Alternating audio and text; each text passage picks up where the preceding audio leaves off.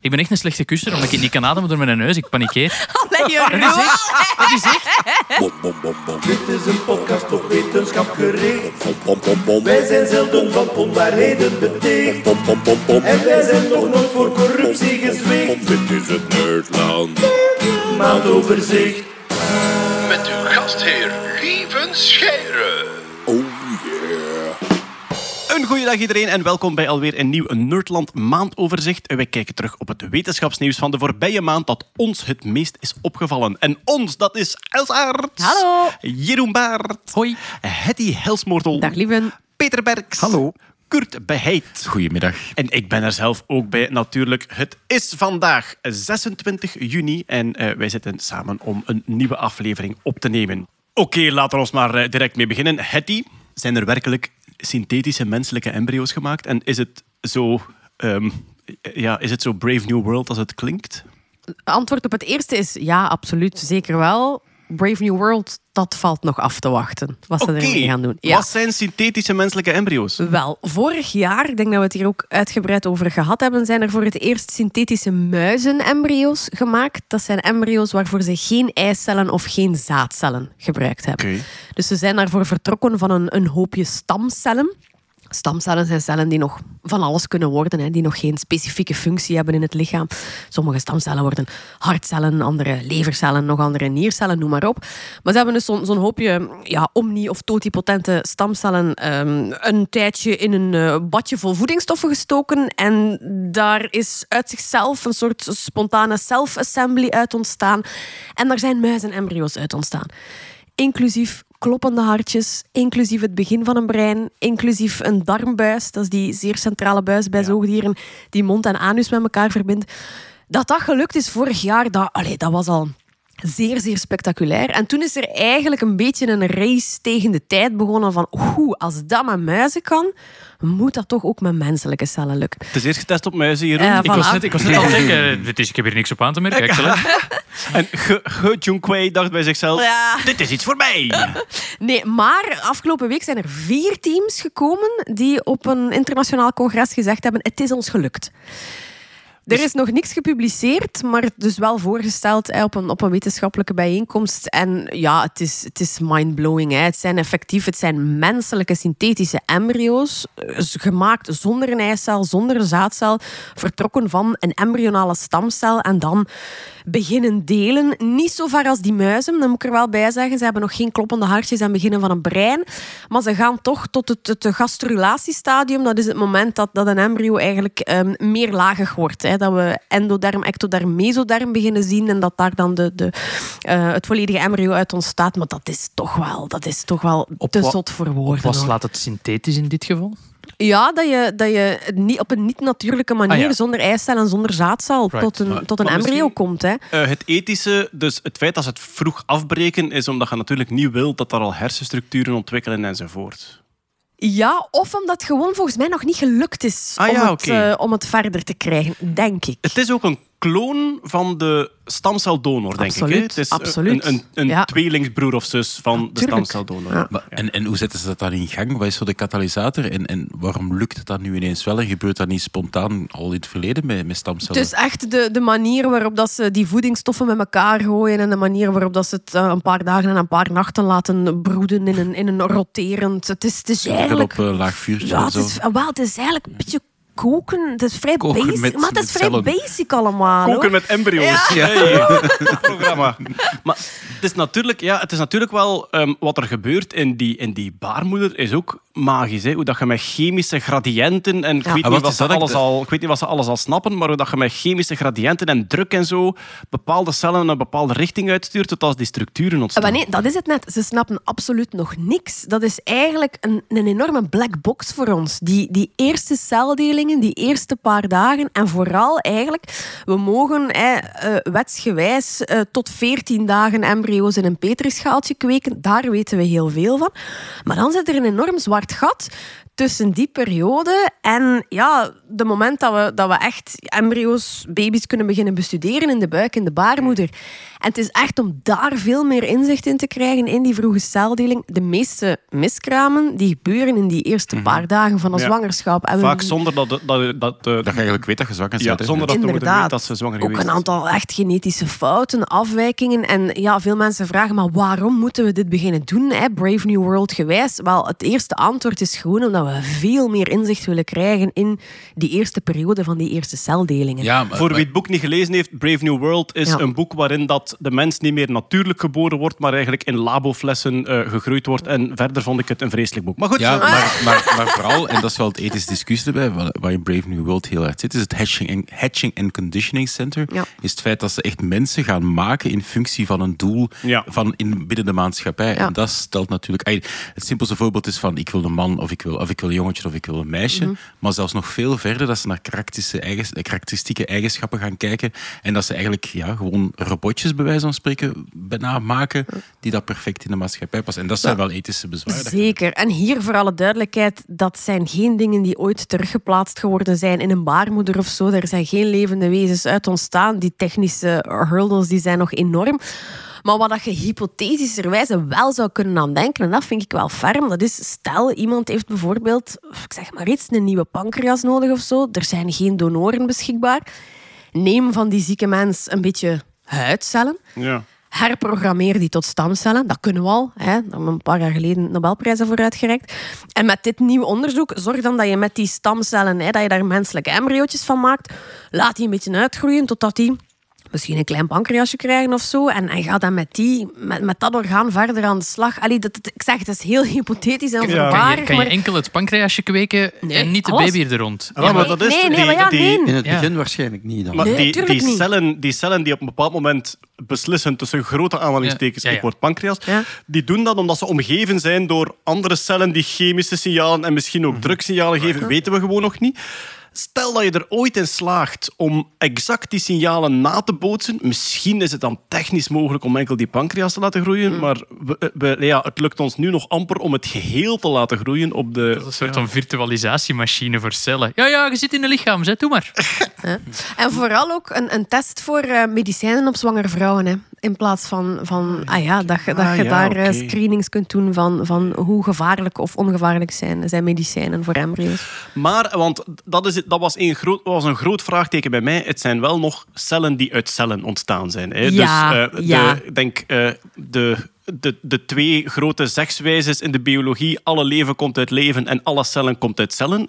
We, we kennen geen enkele cel die niet uit een andere cel ontstaan is. Dat moet ooit wel gebeurd zijn. Klopt. Hè? Maar alle cellen komen uit cellen en het is nog niet gelukt om een synthetische cel vanuit de eiwitten en de chemische eh, eh, bestanddelen samen te Zijn stellen. ze ook mee bezig? Hè? Er zijn, er, al, vraag- een- er zijn ja. al stappen gezet. Hè? Want Zeker. zo een, een artificieel membraan en zo, dat, dat kunnen ze wel al. Hè? Ja. Maar uw vraag was zeer terecht, Jeroen. Wat bedoel je met synthetisch? In dit geval, Ja. eh, er zijn geen... dat- Wat dat ook wel zot is, hè, al miljarden jaren gebeurt voortplanting op basis van ei- eicellen en zaadcellen. En dan plots gaan we, gaan we dit doen. Ik vind, ah, ik vind dat wel maf. Ja, ja. Voortplanting op zaadcellen en eicellen is ook wel plezant natuurlijk. Hè? Ja, dat is waar. Allee, ik weet dat niet, maar... Jawel, jawel, ik weet...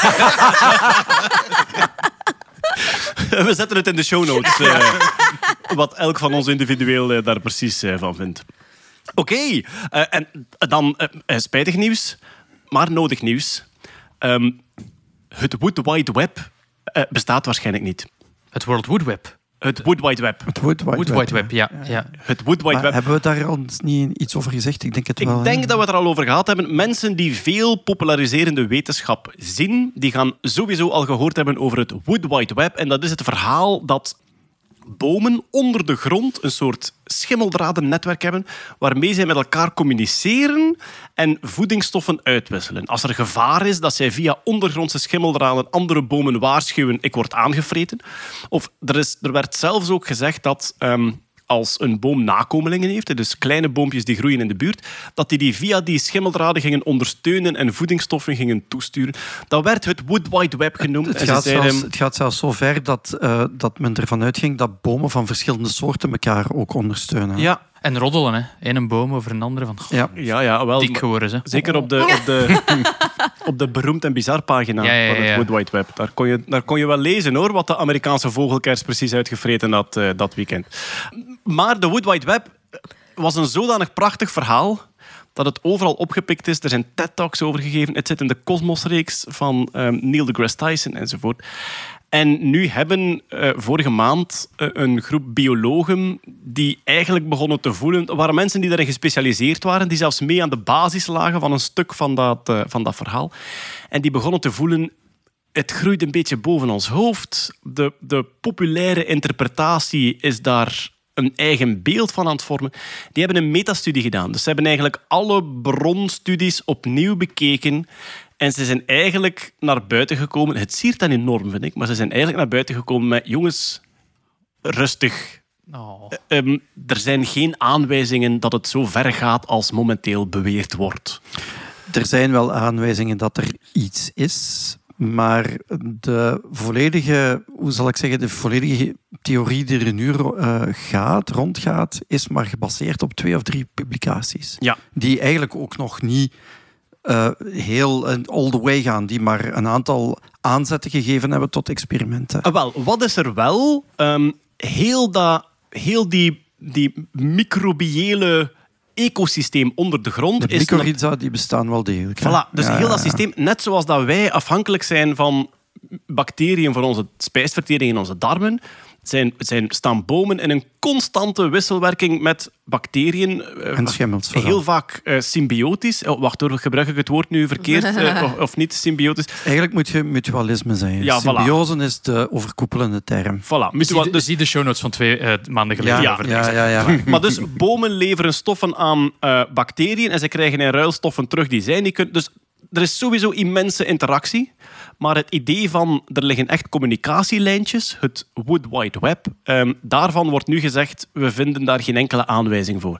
En dan zeggen ze er nog een beetje voorzichtig bij, misschien bestaat er zoiets, maar wat, ja, ze zeggen dan, kijk... ehm, Dat, is, ehm, dat is letting us down easy. Zeker, Dat- ja. Maar dat is, absence of evidence is no evidence of absence, zeggen ze. Dus er is geen bewijs dat het bestaat. Dat, is ook, eh, dat bewijst niet dat het niet bestaat. Maar het is wel een heel specifieke aanname om te zeggen, misschien is het er toch. Ehm, ja, ik, dat, dat, dat nieuws viel mij immens op. ehm, omdat ik zelf uiteraard enthousiast was over dat verhaal. Omdat ik het heel vaak Ja. gezien heb. Het is zo'n mooi anekdotisch verhaal om in populariserende wetenschap te gebruiken. Dat is ook de reden waarom het een ja. media bias Ja, eh, geworden is. Maar het greep mij ook aan, dat nieuws, omdat die wetenschappers daar zelf mee naar buiten kwamen. En dat is iets heel eh, moedig om te doen. Ehm, ik denk dat, dat veel wetenschappers ehm, hun ego in de weg staat om te zeggen, van, kijk, dat ding wat wij gestart hebben en wat dan opeens gigantische proporties aannam, we gaan er te ver in. Het is maar ik eigenlijk weet veel minder. dat niet, want vaak starten zij dat niet zelf. Is dat gewoon de media en wij, Ja, ja, ja. de communicatoren, Ja, ja, weet het, die klopt. dat doen? Dat is ook Zij planten het kiemeke, Mhm. maar er zijn veel wetenschappers die als ze een kiemeke planten en dat wordt groter gemaakt dan het eigenlijk is, die dat niet zo erg vinden en die daar dan in meegaan. Het Of die geen- misschien redeneren van het brengt wetenschap dichter bij de mensen, dus het is Voilà, goed genoeg. ja. Allee, ik bedoel, het doel heiligt de middelen een beetje. Maar hetgeen dat gezegd hebt, is ook wel een reden waarom dat mij opviel. Je stelde automatisch de vraag, wat is onze rol daarin? Omdat dat is wat wij hier doen. Die wij is zijn, zeer groot, vrees ik. Ah, wel, Ja. wij zijn heel enthousiast over Ja. wetenschap. En daar wordt, soms is daar een, ehm, een nodige sceptisch tegenover. Hè, die zegt van ja, als, als je te enthousiast wordt, dan wil je dat het waar is. En dus dit soort nieuws ehm doet mij ook altijd nadenken van oké, wat is onze rol daarin? Ja. Ehm, alleen, ik heb voor mezelf, en, en misschien ben ik het dan misschien, ehm, ben ik het aan het rationaliseren, maar ik heb voor mezelf uitgemaakt, zolang dat die wetenschappers zelf niet zeggen het is veel minder dan wat er van gemaakt wordt, kunnen wij het ook niet op ons eigen ontdekken. Maar ik hè. weet dat niet, want vaak zeggen die dat wel. Of komt dat gewoon niet tot bij ons? Of hebben zij niet de kanalen om dat tot bij ons te krijgen? Allee, Ja, je kunt dan en- een mail sturen, maar allee, ja. En het is ook wel, het is ook wel waar dat, dat wij eigenlijk altijd dieper moeten gaan zoeken dan het artikel dat ons bereikt. Je moet eigenlijk naar de publicatie daarachter gaan kijken. En dat is trouwens nog een voorbeeld van de voorbije maand. Ehm, er was die immense, dat immens steekvlamartikel van een ehm, Amerikaanse militaire drone die in een simulatie zijn eigen operator uitgeschakeld Ah, ja, Ja, ja. ja. ja. Gelukkig ben ik daar wel onmiddellijk die bronartikels gaan lezen. Wat bleek, dat was een hypothetisch voorbeeld van iemand Ja. op een conferentie. Oh. Ja. Dus dat was een hypothetisch voorbeeld van iemand die zei van kijk, stel dat je een computersysteem systeem deze opdracht geeft, je moet dit doel bereiken, maar je hebt niet de restrictie gezet, jij mocht dat en dat niet doen, Ja. dan zou die kunnen zijn operator uitschakelen omdat hij hem anders gaat tegen. En, daar hebt- komt een artikel van dat dat echt gebeurt. En je hebt in de oplossingsruimte ook dood, dood eh, operatoren als, als, als actie gegeven. Ja, voilà. Dus ja, het is, maar er waren grote, grote publicaties mee weg. Hoor. In België, zowat alle kranten, denk ik. Natuurlijk, maar ja, voor, Eh, voor, voor kranten is dat... allee, zeker voor online kranten is dat... sensatie, hè? is fris. Maar ook Wired en Ars Technica, toch publicaties die ik normaal een zekere kwaliteit toedicht. Hebben dat achteraf wel gecorrigeerd natuurlijk. Ja, voilà. Ja. Maar roept jij niet op om, om een beetje sceptisch te zijn tegen... tegen Ik vind het heel moeilijk. Want we hebben al de rubriek eh, publication bias van Ik de weet het, maar ik vind het heel moeilijk omdat ik wil mij, ik wil mij niet laten afremmen in mijn enthousiasme. Ik wil nog wel enthousiast blijven over spectaculair wetenschapsnieuws, zoals synthetische embryo's. En natuurlijk moeten wij voor een groot stuk ons huiswerk doen en op voorhand gaan kijken hoe gefundeerd is dat hier en wordt daar niet iets te sensationeel over gedaan. Maar wij kunnen ook niet tot in het labo bij elk onderzoek gaan staan en gaan kijken van wat is uw methode en Nee. klopt Ik dat heb, hier? eh, ik- ik heb kubuskakjes gezien, dat pakken ze me niet meer af. Wat ik wel merk als je zo in de media werkt, wat dan meestal de, het verschil is, is een goed verhaal dat waar is, daar moet je nog aan werken om dat te brengen als een goed verhaal. Daar moet je goede voorbeelden van vinden, of daar moet je iets mee doen, waardoor dat dan een goed verhaal wordt. Een goed verhaal dat van zijn eigen een goed verhaal is, is heel vaak niet waar. Of niet helemaal. Ah ja, omdat het te gemakkelijk Ja. Als je geconstrueerd het wordt. gewoon zo kunt pakken, hup, en buiten smijten, dan... Als je niet afhangt van de waarheid, kun je gemakkelijker een Ja. goed verhaal vertellen. Dat is een beetje... Ja. statement, Ja, zeg. voilà. Ja. Maar kijk, eh, de, de, de Wood Wide Web, eh, het ironische is, ik was mijn research aan het doen voor dit item, en dus ik was aan het zoeken naar de interviews met die wetenschappers die zeiden van, kijk, het is, het is groter geworden dan het eigenlijk is en er is geen bewijs voor al die communicatiekanalen. Als je intikt eh, Wood Wide Web, vind je heel veel animatiefilmpjes voor kinderen en TED-talks en artikels. En het is een zodanig eh, sappig verhaal dat we gaan het nog heel vaak tegenkomen. Dus we gaan in, in ook heel veel boeken die geschreven zijn. Ik heb zeker populariserende boeken in mijn kast staan waar dat, dat verhaal in verteld wordt. Net van omdat Peter. Wolleben, daar, die een Duitse houtvester, die heeft daar Ja, een, heel, een heel stuk aan, aan gewerkt. In april 2023 vind ik via Google dat wij het over het Wood Wide Web gehad hebben. ehm, en hebben we vermeld dat er twijfels waren. Dat het Ah, geheim, dat, het, dat, het, eh, Ja, dat het, eh, het bewijs ontbreekt. Dus wij Voilà. waren... Ik denk dat we dan toch al de, de reflex gehad hebben van... Hm, Maar april 2023, dat is twee maanden geleden. Ja, ja, maar toch... Dat klonk verder geleden. En dat staat op het World Wide Web. Ja, maar ja. ja, ja, ja. Voilà, kijk, twijfels over het Wood Wide Web. eh, een verhaal dat eh, vele knopjes indrukte in mijn emotionele Ik inborst. snap het. Ja, voilà. Over naar de geschiedenis, zowaar. Ehm Peter, er is, eh, we gaan het over rotstekeningen hebben. En Ja. dan gaan we echt in de diepe Ik oertijd. ben al blij dat het geen Romeinen zijn. Ja, het is veel verder geleden dan, dan Romeinen. ja, ja, ja, het was voor Romeinen. Je zit hem nu al te Harem. onderbreken voordat hij begonnen is.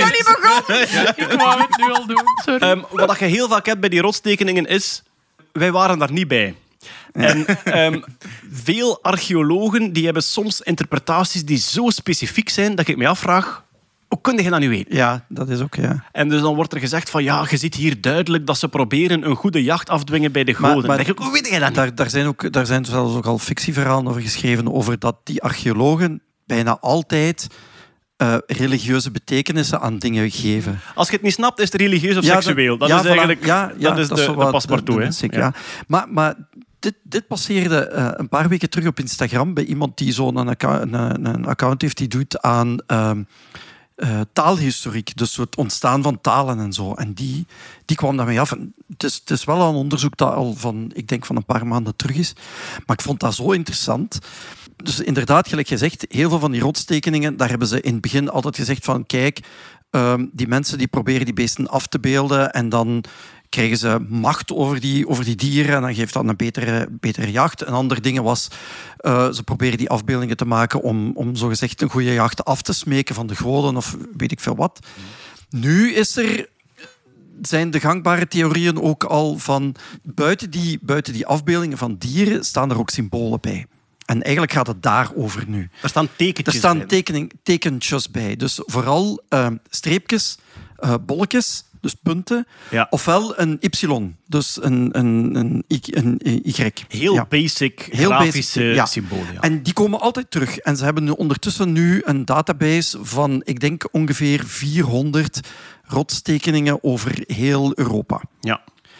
En daar is een amateur paleontoloog die eh, daar al een tijd mee bezig was. Die was daarin geïnteresseerd en die heeft nu toegang gekregen tot die, tot die database. En die heeft daar een patroon in gezien. En die zegt van kijk, eh, de gangbare theorie is nu dat die streepjes en die puntjes eigenlijk het, eh, het aantal kills wil zeggen. Dus Ah, ja, van de er jacht- staan- Scorebord. Ja, de scorebord. Ja, dus we hebben van die oeros. er staan- 180. Ja, voilà. maar het gekke is dat er van die tekens nooit meer dan 13 per afbeelding staan. Dus 13 streepjes of maximum 13 puntjes. Maar dat ging dan naar level 2, dat was een andere grot. Dat was, een, dat was boven. Ik denk dat je dan in een hogere belastingsschijf kwam. Dat, eh, Ja. Maar enfin, dus, en hij vond dat heel raar. En dus eh, heeft hij dan contact gezocht met paleontologen van een universiteit. En die zijn samen gaan kijken. En hun theorie is nu dat het eigenlijk een handleiding is. En dat de punten en hoe de hoe werkt strepen... de bison? Nee, Proficiat met de aanschaf van de Bison 3000. dat is wanneer eh, zijn die migraties van die dieren. Dus in welke maand Ah. zijn die hier?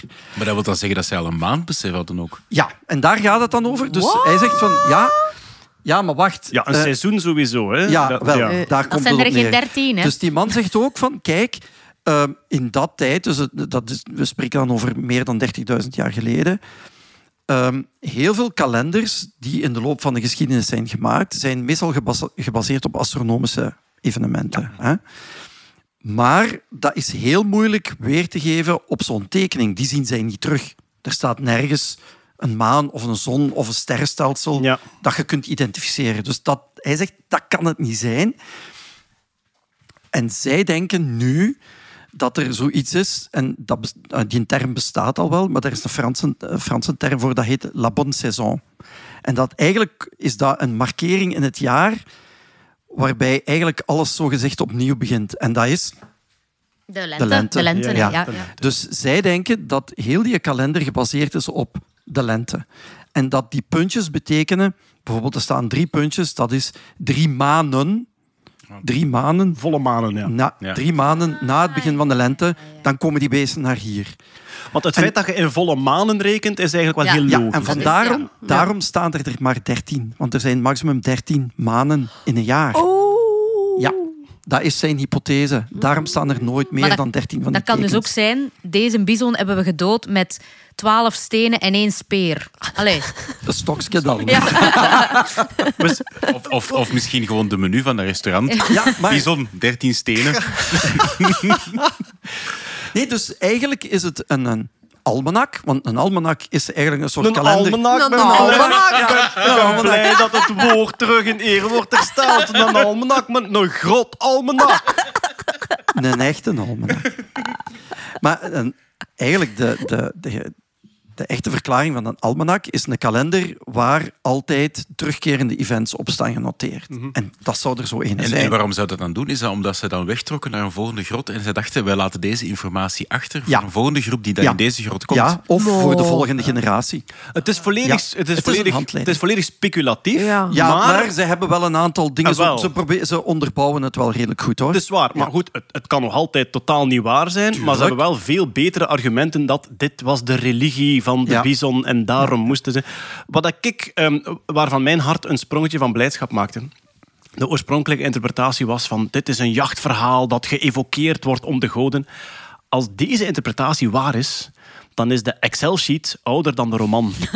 En daar word ik blij van.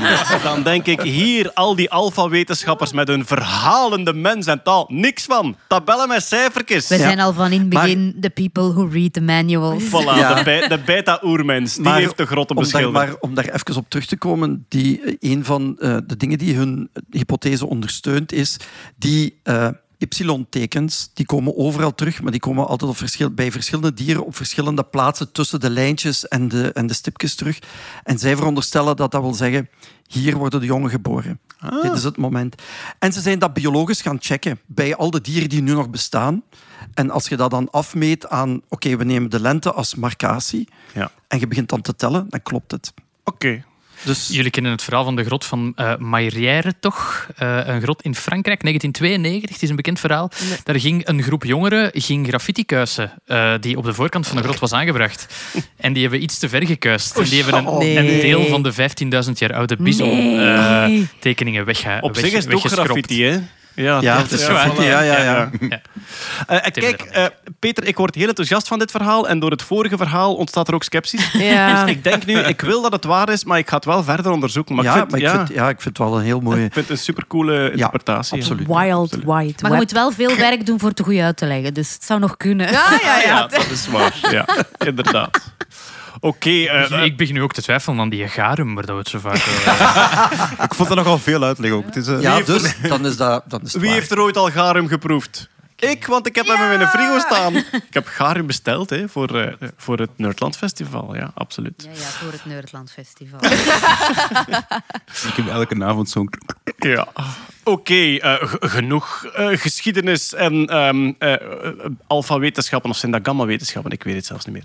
Eh, we gaan naar de kille technologie, maar eigenlijk niet naar de kille technologie, Ja. want Kurt, er zou een nieuwe hackingmethode zijn. Bah, het is niet direct een nieuwe hackingmethode, maar het is wel... eh, Allee, Het is Het is waar. dus maar waar. nee, maar- Het is waar. Kom. dat is waar. Maar ik wil niemand, niemand bang maken of zo. Maar er zijn onderzoekers die ehm, eh, met warmtecamera's uw wachtwoord geraden hebben.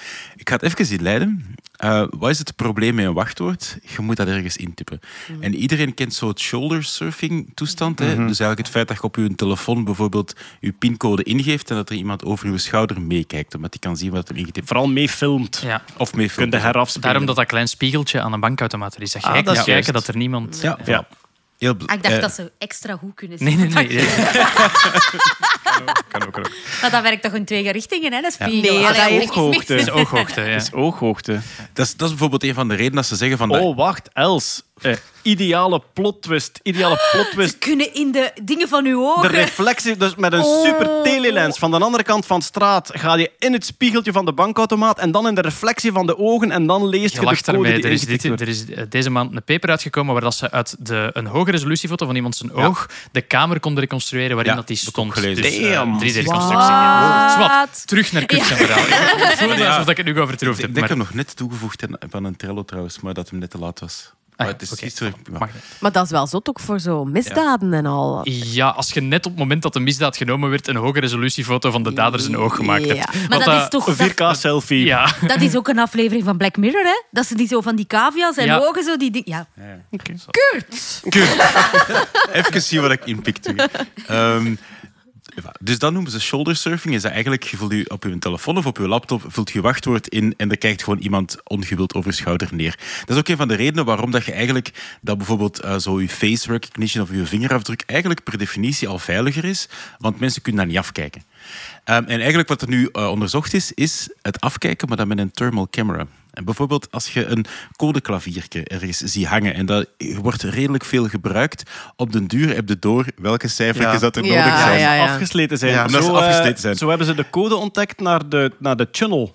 Dus de tunnel naar Engeland. Oh, jong. Heel veel van die ja, eh, transmigranten die in Calais in die jungle zaten, die zijn zo die, dat hek beginnen aflopen. En er was één klavierke met vier afgesleten cijfers. En ze hebben een beetje geprobeerd en na een tijdje wist Ah, iedereen die code.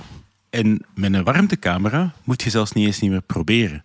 Omdat als jij op een toetsenbord met je vingers je wachtwoord hebt ingegeven, dan zit er een minimaal warmteverschilletje Van licht naar tussen donker de volgorde waarin dat jij getipt hebt. Damn. Dat hebben ze gefilmd van een aantal mensen en dan met AI getraind om dan te kunnen gaan eh, reconstrueren welke toetsencombinatie dat er ingetipt is, puur en alleen op het warmtebeeld van dat toetsenbord.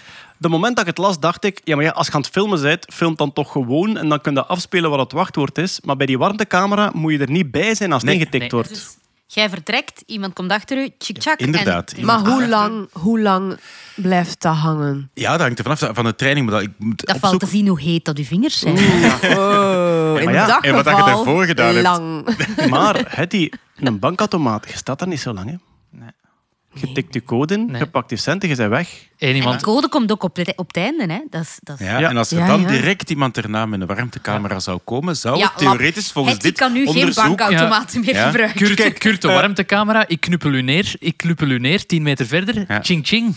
En Maar- het is al zo, de, de, wacht, nog, nog even zo, Dat de, de, meende niet. de succesrate wat lag echt hoog. Voor een wachtwoord van 6 tot 8 eh, karakters hadden ze 80 tot 92 procent dat Oh, ze het wachtwoord hadden. Oké, hier Hoe langer uiteraard, hoe minder hoe grote kans. Hè. Als je je code ingetikt hebt in de bankautomaat, eh, leg je vingers even op drie andere toetsen of vijf andere toetsen. Maar dat gaat dan- hij ook zien, hè? Ah, draag- nee, want dan gaat hij denken dat je nog een, extra, over. nog een extra cijfer ingetikt hebt. Draag handschoenen. Eh, waterkoel, uw toetsenbord.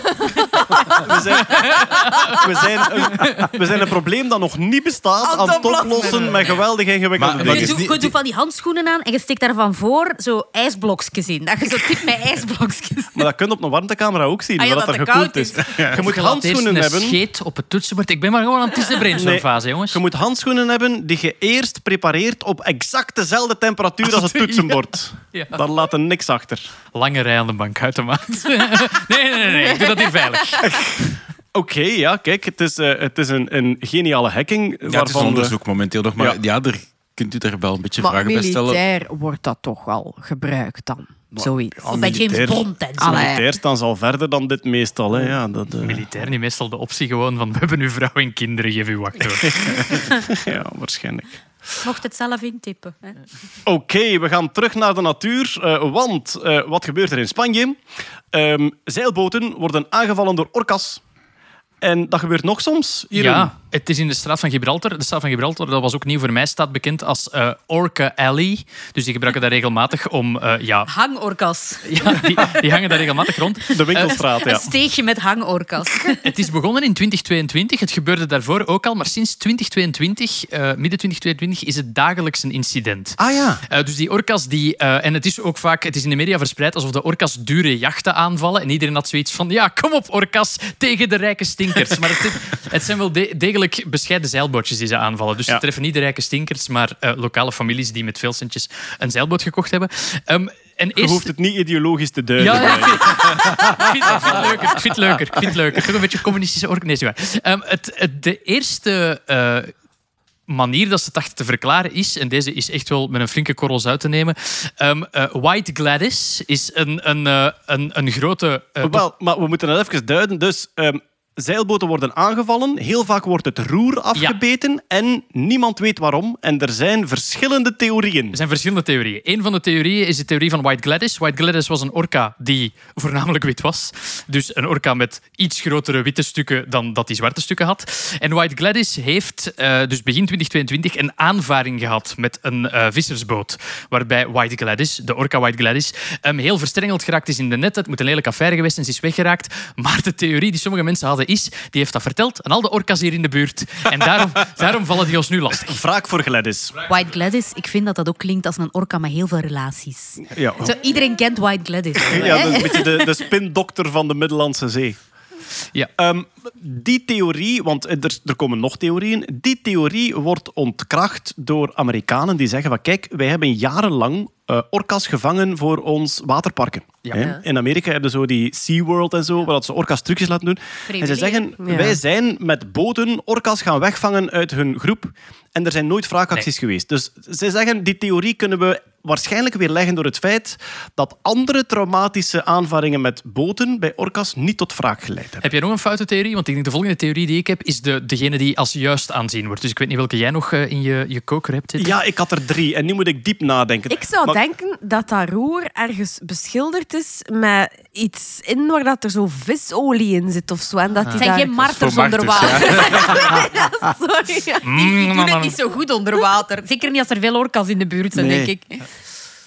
Er is nog een theorie Ja. dat, eh, dat orka's graag in de waterstroom van de propeller hangen met hun gezicht. Dus blijkbaar komen die soms achter de boot hangen. En dus de Gelijk de theorie... hondjes die zo buiten hangen uit het raam. Want orka's zijn heel speelse dieren. En dus ze dachten, die willen zo die dingetjes. Alleen, wat doet elke boot als er een orka achter zich gaat hangt? Sneller Ja, varen. wegvaren. De motor afzetten. Ah. Ja, je wilt niet dat hij daar eh, in, in Ah, in die geraakt. Ah, ja. Ja. Zou haar motor harder zetten. En dus een van de theorieën was... eh, de orka's komen gezellig in de propeller hangen. Je zet de propeller af en die zeggen... Als het zo zit, fuck you, boot kapot. En dat die dan ja. het roer afbijten. Dat was nog een theorie. Zijn er nog, eh, Jeroen? Ja, eh, orka's, eh, zoals je zegt, zijn heel speels, zijn heel tactiel. Eh, als die in een groep zwemmen, dan raken die elkaar ook constant een beetje aan. En het zou eigenlijk gewoon om te spelen zijn. Het is een beetje een, een, een anticlimax, denk ik. Maar die orka's vinden het gewoon heel fijn om ook als sociaal gedrag met die boten te spelen. En ook in groep met die boten te spelen. Eh, Er is nog een theorie, Jeroen. Is er nog een theorie? En dat is de volgende. Ze willen die boten neuken. Nee, Ze aanbieden ben- ze als eh, goden. ik ben geen archeoloog. Ehm, het is een rage. Een rage. Wat, als, wat dat de orka's tegenwoordig heel vaak doen met die boten, is het roer afbreken en daarmee wegzwemmen. En een van de theorieën is... ehm, Elke orka wil Daar is er ene mee begonnen en nu doen ze het allemaal. de huidige theorie is, het bootroer is de flippo van de orka's. Ehm, waarom denken ze dat het een rage is? Omdat orka's ragegevoelig zijn. Echt? We hebben dat Als, gemeten. Ah, eh, wel, als mensen die orka's bestuderen, die weten dat sommig gedrag wordt door één orka gestart en daarna gekopieerd omdat het blijkbaar cool is. Is dat met die zalmen? En wel, Ja. de, Ah, ja. de bekendste orkarage dateert uit 1987. Het is de kust voor Californië. Daar is één orka uit zo'n groep, uit een kudde. Eén orka is begonnen met eh, een dode zalm als hoed te dragen. Ja, dat is juist. En binnen de twee weken zwommen alle orka's met een dode zalm op hun kop. De influencer orka heeft een zaal. En die rage heeft een heel seizoen geduurd en daarna is die verdwenen. Maar gewoon zo. Hé, ik heb een zalm op mijn... Zie, naar Cynthia, een zalm, dat is heel cool. Ik moet dat doorkemmen. En dan zo einde seizoen van, ja, goh, dat is een beetje gedaan al, hè, met de Dat is zo zalm. 1900. Zie, White Glasses zwemt nog altijd rond met een zalm op haar kop. Ze heeft niet eens een bootroer. Dus Allee, joh. ehm, het zalmverhaal van 1987 is ehm, een immens populair orka-verhaal. En ik vrees dat het Wood Wide Web veel Amai, kapot gemaakt heeft in mijn amai. hartje. Ja, ik weet het Ja. ben ook Want ik begin, ik begin onmiddellijk te denken van ja, het is wel een heel goed verhaal. Ehm, maar dus, ehm, orka's zijn inderdaad speels en blijkbaar ragegevoelig. Er zijn zo gedragingen die ze opeens allemaal beginnen doen. Je kunt orka-influencer zijn. En dus misschien is het bootroer wel eh, ja, de flippo van 2023 eh, bij de Dat er een in, blij, in blijft, hè. Ja, ja. Ja, tot Ah, als er ja. een omaatje Ah, in stikt. Eh, Zo gaat het waarschijnlijk. Orka-influencer op het World Water Web. Ja, inderdaad. Al die, al die panini-stickers die dat je net niet vindt om je boek af te maken. Hè. Die orka's hebben die. Ja, wel, waarschijnlijk vinden ze zo onderaan op de zeebodem zo allemaal ook van die, van die trolletjes uit de jaren 90. en van die, tut- van die ja. tutjes, ja. Ja. Ja, tuurlijk word jij daar weer zot van. De, de helft van ons publiek denkt nu... Ja, ja, kinderen, er was een leven voor het jaar 2000. Heel moeilijk om te fidget spinnen met vinnen. Ja, dat is waar. We hadden ook onze fidget spinners. eh, zo is dat, ja. Voilà. Oké, eh, eh, we blijven in de natuur en we blijven ook weer bij de genetica, hè, waar dat we mee geopend zijn. We hebben toen al gezegd, die natuur zit heel zot in elkaar. En om de zoveel tijd ontdekken de biologen wat... De natuur zit nog zotter in elkaar. Peter, de Oh, yellow crazy ants, het is een bepaalde mierensoort. Wat hebben ze er nu van ontdekt? Die hebben twee DNA's. Ja. Wel, het zijn chimeras, om het, Het zo te zeggen. En chimeras, ja. chimeras zijn wezens die uit verschillende cellen bestaan. ja. Maar we bestaan allemaal uit verschillende Klopt. cellen. Eh, cellen met verschillende genetische codes. Dat is iets anders. Moet zijn. Zeg eens, Peter. ja, Actually. de, ja, de, de- de iets verfijndere versie van nee, lieve nee is dat eh, eigenlijk. Juist zijn. Zeg eens, Peter, wat is er aan de hand Het, het zijn vooral de mannetjes die de chimeren zijn. Dat hebben ze nu ontdekt. van de Yellow Crazy Van de Ants? Yellow Crazy Ants. Klinkt ja. ook een beetje als een bandnaam. Hè? Wat is Ja, de Yellow Crazy, Ants? Even, even voor de duidelijkheid. Yellow Crazy Ants zijn een van de meest... ehm, Zotte mieren. des- ja, ja, ja, ze heten geel? ook crazy omdat die zo heel raar, zo snel rondlopen. Geel en gek. Heel gek, ja. Het bewegingspatroon is Het eh, crazy. bewegingspatroon is Geel. heel zo... Eh, heel erratic gek. heet dat dan in het Engels. In het Nederlands Erratic. is het hazewindmier. Dat klinkt dan weer... Waarschijnlijk- nee, Yellow Crazy Ants vind ik beter. Oké. En die zijn eh, bijzonder destructief. Die zitten op, eh, dat is een van de meest invasieve soorten die, die, die er zijn. Maar ze komen wel voorlopig vooral voor in de tropen. Maar wat hebben ze nu ontdekt? Je weet, eh, bij ehm, alle wespen, mieren en bijen is het zo... Bevruchte eieren, dat worden vrouwen. Onbevruchte eieren, dat worden mannen. Voilà, die koningin legt gewoon Ja. eitjes en Ja. die onbevruchte worden mannetjes. Ja. En het verschil tussen een koningin en een werkster is meestal omgevingsfactoren, voeding en dergelijke. Ja. Dus dat is eigenlijk epigenetisch. Dus dat is de laag die erboven zit, die eigenlijk... Maar die koningin is wel bevrucht geweest door mannetjes, wat die Ja, ja, werksters ja. niet meemaken. Maar wat ik ook zot vind, dus uit onbevruchte eitjes komen mannetjes. Ja. Maar die mannetjes die moeten ontstaan op een heel specifiek moment in het jaar, namelijk vlak voor de bruidsvlucht en de paring. Dus die koninginnen die kunnen lichamelijk beslissen of ze een bevrucht ei leggen of een Ja, onbevrucht dat ei. klopt. Ja, ja, ja. Dat is waanzin, hè? dat Ja. je eigenlijk in je lijf Ja. kunt zeggen van nu even een onbevrucht Ja. plop, en nu even... Ja, ze weten nog altijd niet hoe dat mechanisme werkt, dat die beslissing wordt genomen. En ze moeten heel hun leven verder, meerdere jaren, met het zaad van één, bevru- van één bevruchtingsnacht, van meerdere Ja, mannetjes. ja, dat kan van één manneke zijn, maar dat kunnen er ook eh, een tiental zijn. Hè. Maar dus die landen met een zaadreservaarke in hun lichaam, die Ja. leggen daar tienduizenden bevruchte eieren mee. En af en toe kunnen die zeggen... Een miljoen, voilà. gevallen, ja. En af en toe kunnen die zeggen, nu even een onbevruchtje. Ja. En, en bij honingbijen bijvoorbeeld weten ze dat mechanisme wel, want een darrencel is groter dan een, een, een werkstercel. En die koningin moet zich anders De positioneren. De broedcel waar ze in, in Ja, geboren waar, wordt. ze, Ja, waar ja. ze in groeien. Hè. Dus die vandaar dat de, de werksters maken darrencellen, dus die zijn groter. En eh, die koningin moet daar dus op een andere manier in staan om zich in evenwicht te houden. En dan is dat blijkbaar met ergens een klepje dat open en dicht gaat. Ik, voel me, ik voel me alsof ik jullie moet terughengelen naar de Yellow Crazy Ja. Ja, ja, maar wacht maar, even, wacht maar even. Dat, hij, dat hij wordt pas bevrucht op het moment dat het gelegd wordt. Ja. Ah ja, en Ja, dus als En dat is altijd zo bij die dieren. Dus, En ja. de werksters maken de cellen en die beslissen dan eigenlijk, hier komt een onbevrucht ei in, want ze moet haar Ja. gat oger steken. Ja, ja, ja. Dus het zo. gaat ook. Hè, iedereen denkt dat het eh, in, in zo'n kolonie van die sociale dingen. Is de, is de koningin eigenlijk die aan het hoofd staat in de beslissingen neemt. Maar dat is niet waar. Het, is een, het, het zijn heel dikwijls de werksters die die beslissingen nemen. Hè. Ja. Maar goed, terug naar de mieren. Nu zit er ook bij die vrouwen, dus zowel bij de koninginnen als bij de werksters, ook een, genetische, een genetisch verschil.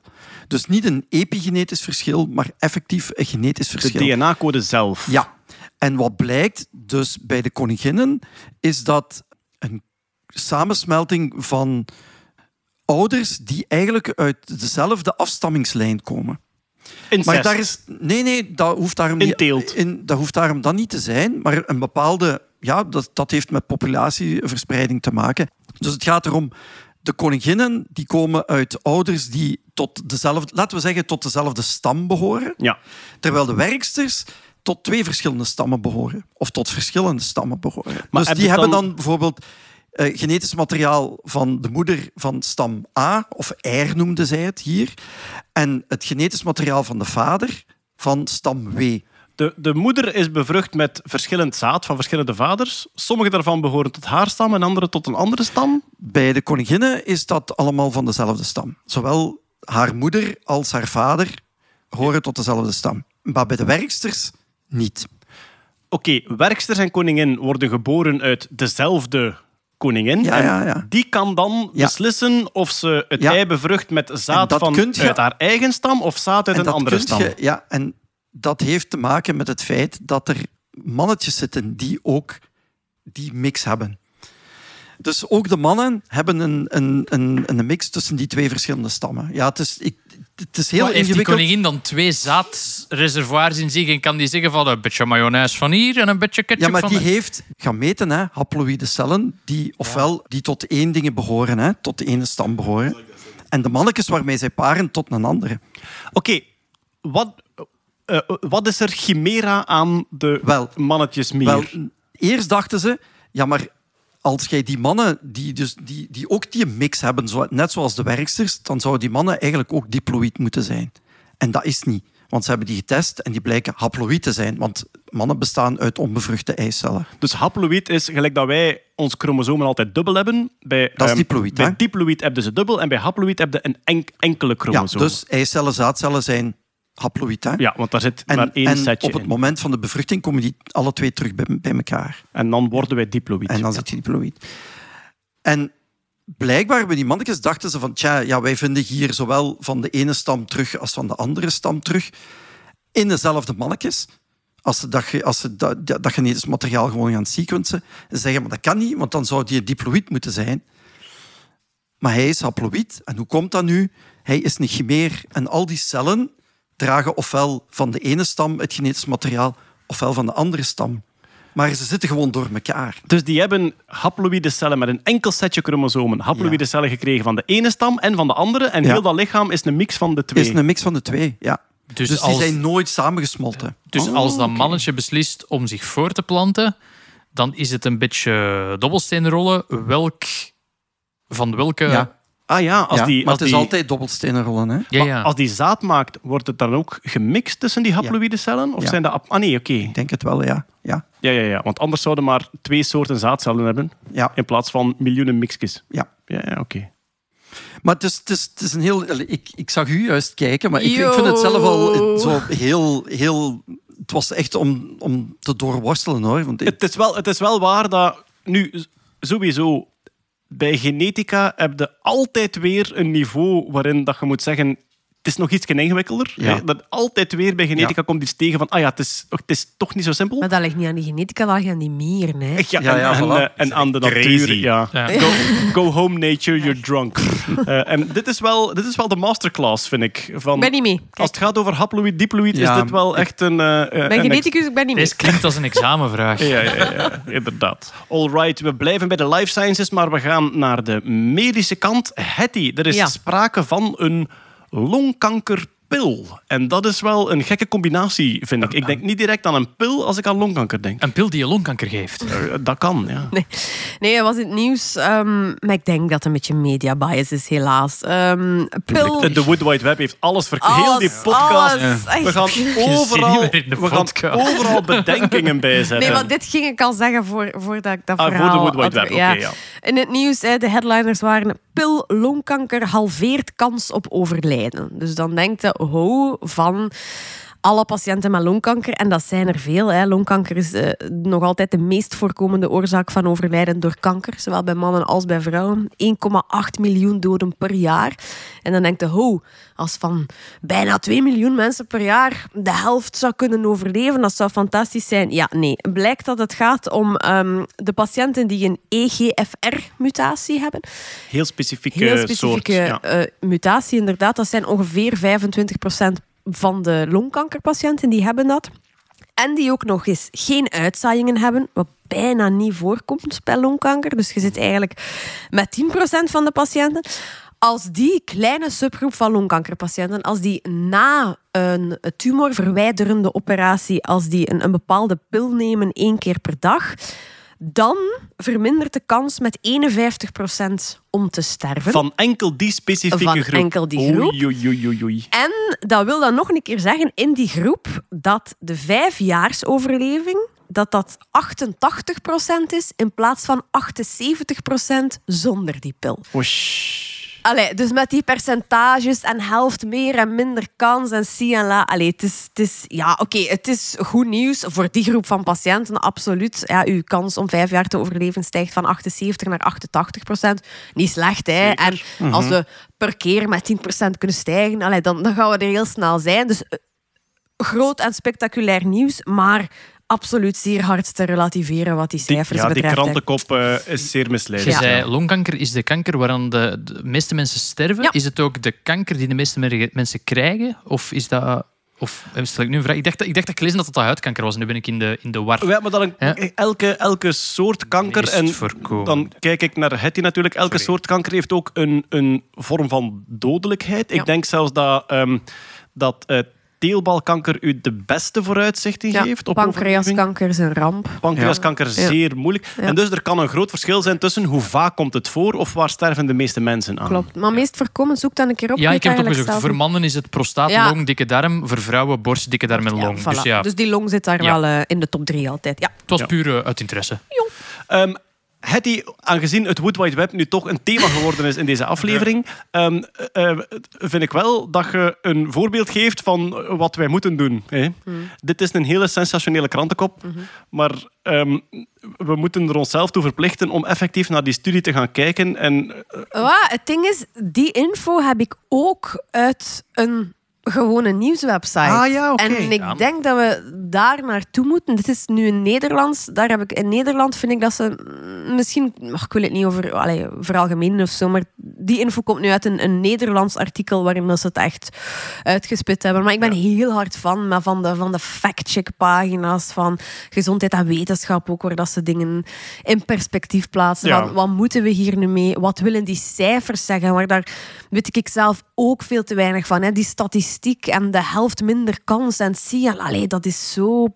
New Scientist doet dat ook regelmatig. Ik wil nu Ja. niet er dingen uit, maar ik herinner mij heel... Als ik ergens eerst ga lezen, is het eerst daar. Ja, ja, dat is zo. Ik heb ook mijn, mijn, mijn vaste nieuwskanalen. Ik heb eh, vertrouwen in de standaard wetenschapspagina's. Geen Ja. sponsor, hè, Nee, zeggen we nee, er ook wel bij. eh, voilà. maar eh, ja, je, je moet... eh, consider the source, zeggen ze vaak. En ook, ja... ehm, zelf het artikel zelf gaan zoeken vind ik altijd heel nuttig. Dat is geen, ehm, dat is geen junkfood leesvoer. Hè. Dat begint met een abstract en met veel te veel auteurs en dan met hele technische dingen. Maar, Maar eh, zelfs als je die paper hebt, enkel het abstract en de conclusion lezen ik kan u al heel, Ja. veel, heel Ja, ver ja, leiden. doe ik en heel ook vaak. wantrouwde artikels die niet linken naar de originele paper. Dat vind ik ook altijd heel... Jij presenteert mij hier een reeks conclusies. Nu gaat het wel linken naar het origineel ding. Is ook heel populair op Twitter of zo. hè. Deze paper, screenshot van de paper, maar geen link naar het origineel artikel. Sorry, dat is... Ja, ja, ja. Ik wil dat verifiëren. ja.